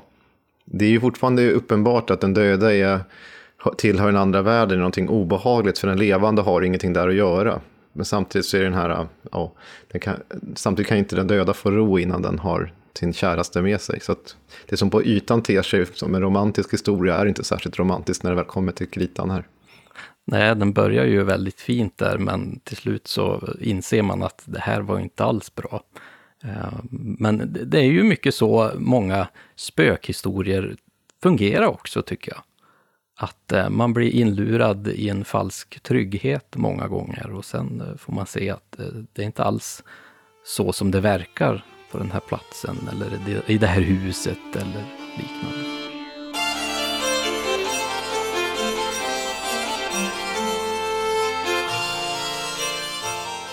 Men Tommy, vi kanske ska sätta punkt för det här avsnittet då när vi har pratat om spöken och gastar i den gamla jordbrukssamhället. Det var ju väldigt kul och det var lite roligt att vi kunde ändå skärma av lite grann och, och försöka hålla oss till det här ämnet. För att just när vi pratar om spöken så kan vi prata om så otroligt mycket och det skulle vara jätteroligt att få göra fler avsnitt på det här temat där vi går in lite mer i till exempel slottsspöken som är ett väldigt intressant ämne. Det finns så himla mycket mer att säga om spöken och spökerier i olika tider och eh, olika funktioner. Det finns ju mycket sägentyper som vi inte har nämnt här om gastar som slåss och mm, många, man utmanar spöken till olika upptåg och sådär också. Eh, ja, och det finns det en hel del sådana namngivna bundna spöken till särskilda platser. Eh, och finns det varianter som tar drag som bysen på Gotland som ju ibland där kan också ha drag av en gengångare, ett spöke i sig. Och samtidigt kan det vara en drag av en, eh, ett skogsrå å andra sidan. Så att jo, det finns väldigt, väldigt mycket mer kvar att säga om spöken, men jag tycker att vi ändå har eh, lyckats eh, avhandla ganska mycket under de här timmarna som nu ändå har förflutit. Och vi hoppas att eh, alla lyssnare fått kalla kårar av detta i alla fall ja, förhoppningsvis av våra berättelser och inte av vårt prat. jo, av, oss, av vårt prat ska det vara kalla kår. Bara höra våra röster. Men eh, får man inte kalla kårar av våra röster så kan vi ju definitivt eh, tipsa om att om man vill stödja oss i vårt arbete med den här podden så har vi ju en Patreon-sida där vi heter När man talar om trollen. Eh, där man kan bli medlem och få ta del av Evas inläsningar till exempel och mycket olika bonusavsnitt som vi lägger ut någon gång per månad. Och just inför det här så har vi ju faktiskt ett eh, spökrelaterat bonusavsnitt. Så att, gå gärna in där och kolla. Och sen får ni ju definitivt eh, följa oss på våra sociala medier. Där eh, vi på Oknytt heter ju då Oknytt Sverige på både Facebook och Instagram. Och på Instagram så heter ju då Tommy till exempel Suttungsbro. Och sen har vi ju också den här fantastiska Facebookgruppen när man talar om trollen eftersnack. Där vi ser att det, det, det droppar in personer hela tiden och det är så roligt att se att ni kommer igång och pratar om de här ämnena och ge oss tips på det ni vill lyssna om och, och liknande. Och vi kommer ju alltid att lägga ut bakom kulisserna bilder och material och alla nyheter som rör podden kommer ju definitivt att läggas ut i den här gruppen först. Men då får jag tacka så hemskt mycket Tommy för att du har varit med som vanligt och jag får tacka mig själv för att jag är med. För det måste jag nästan, kanske. Det måste du också. Naturligtvis. vill tacka Eva också för att hon har läst in berättelserna. Ja, vi ska absolut tacka vår kära kollega Eva som har läst in de här fantastiska berättelserna. Och även Eva som har varit med i intervjun den här gången. Det var också otroligt intressant. Så att eh, tack ska du ha Tommy, så ses vi i nästa avsnitt. Ha det fint. Tack. Hej då. Podden är producerad av Oknytt Nordisk Folktro och Mytologi och Intromusiken är komponerad av Mark Jungerman.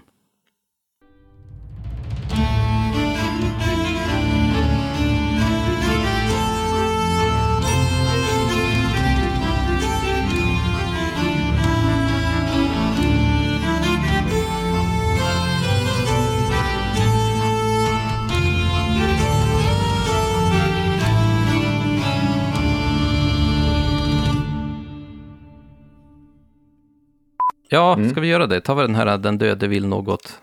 Sen har du inte frågat om vad det är för berättelse vi hörde i början. Nej, det har vi fan inte gått in på. ska vi kanske göra det Du brukar nu? alltid börja med det. Ja, det har jag helt glömt bort.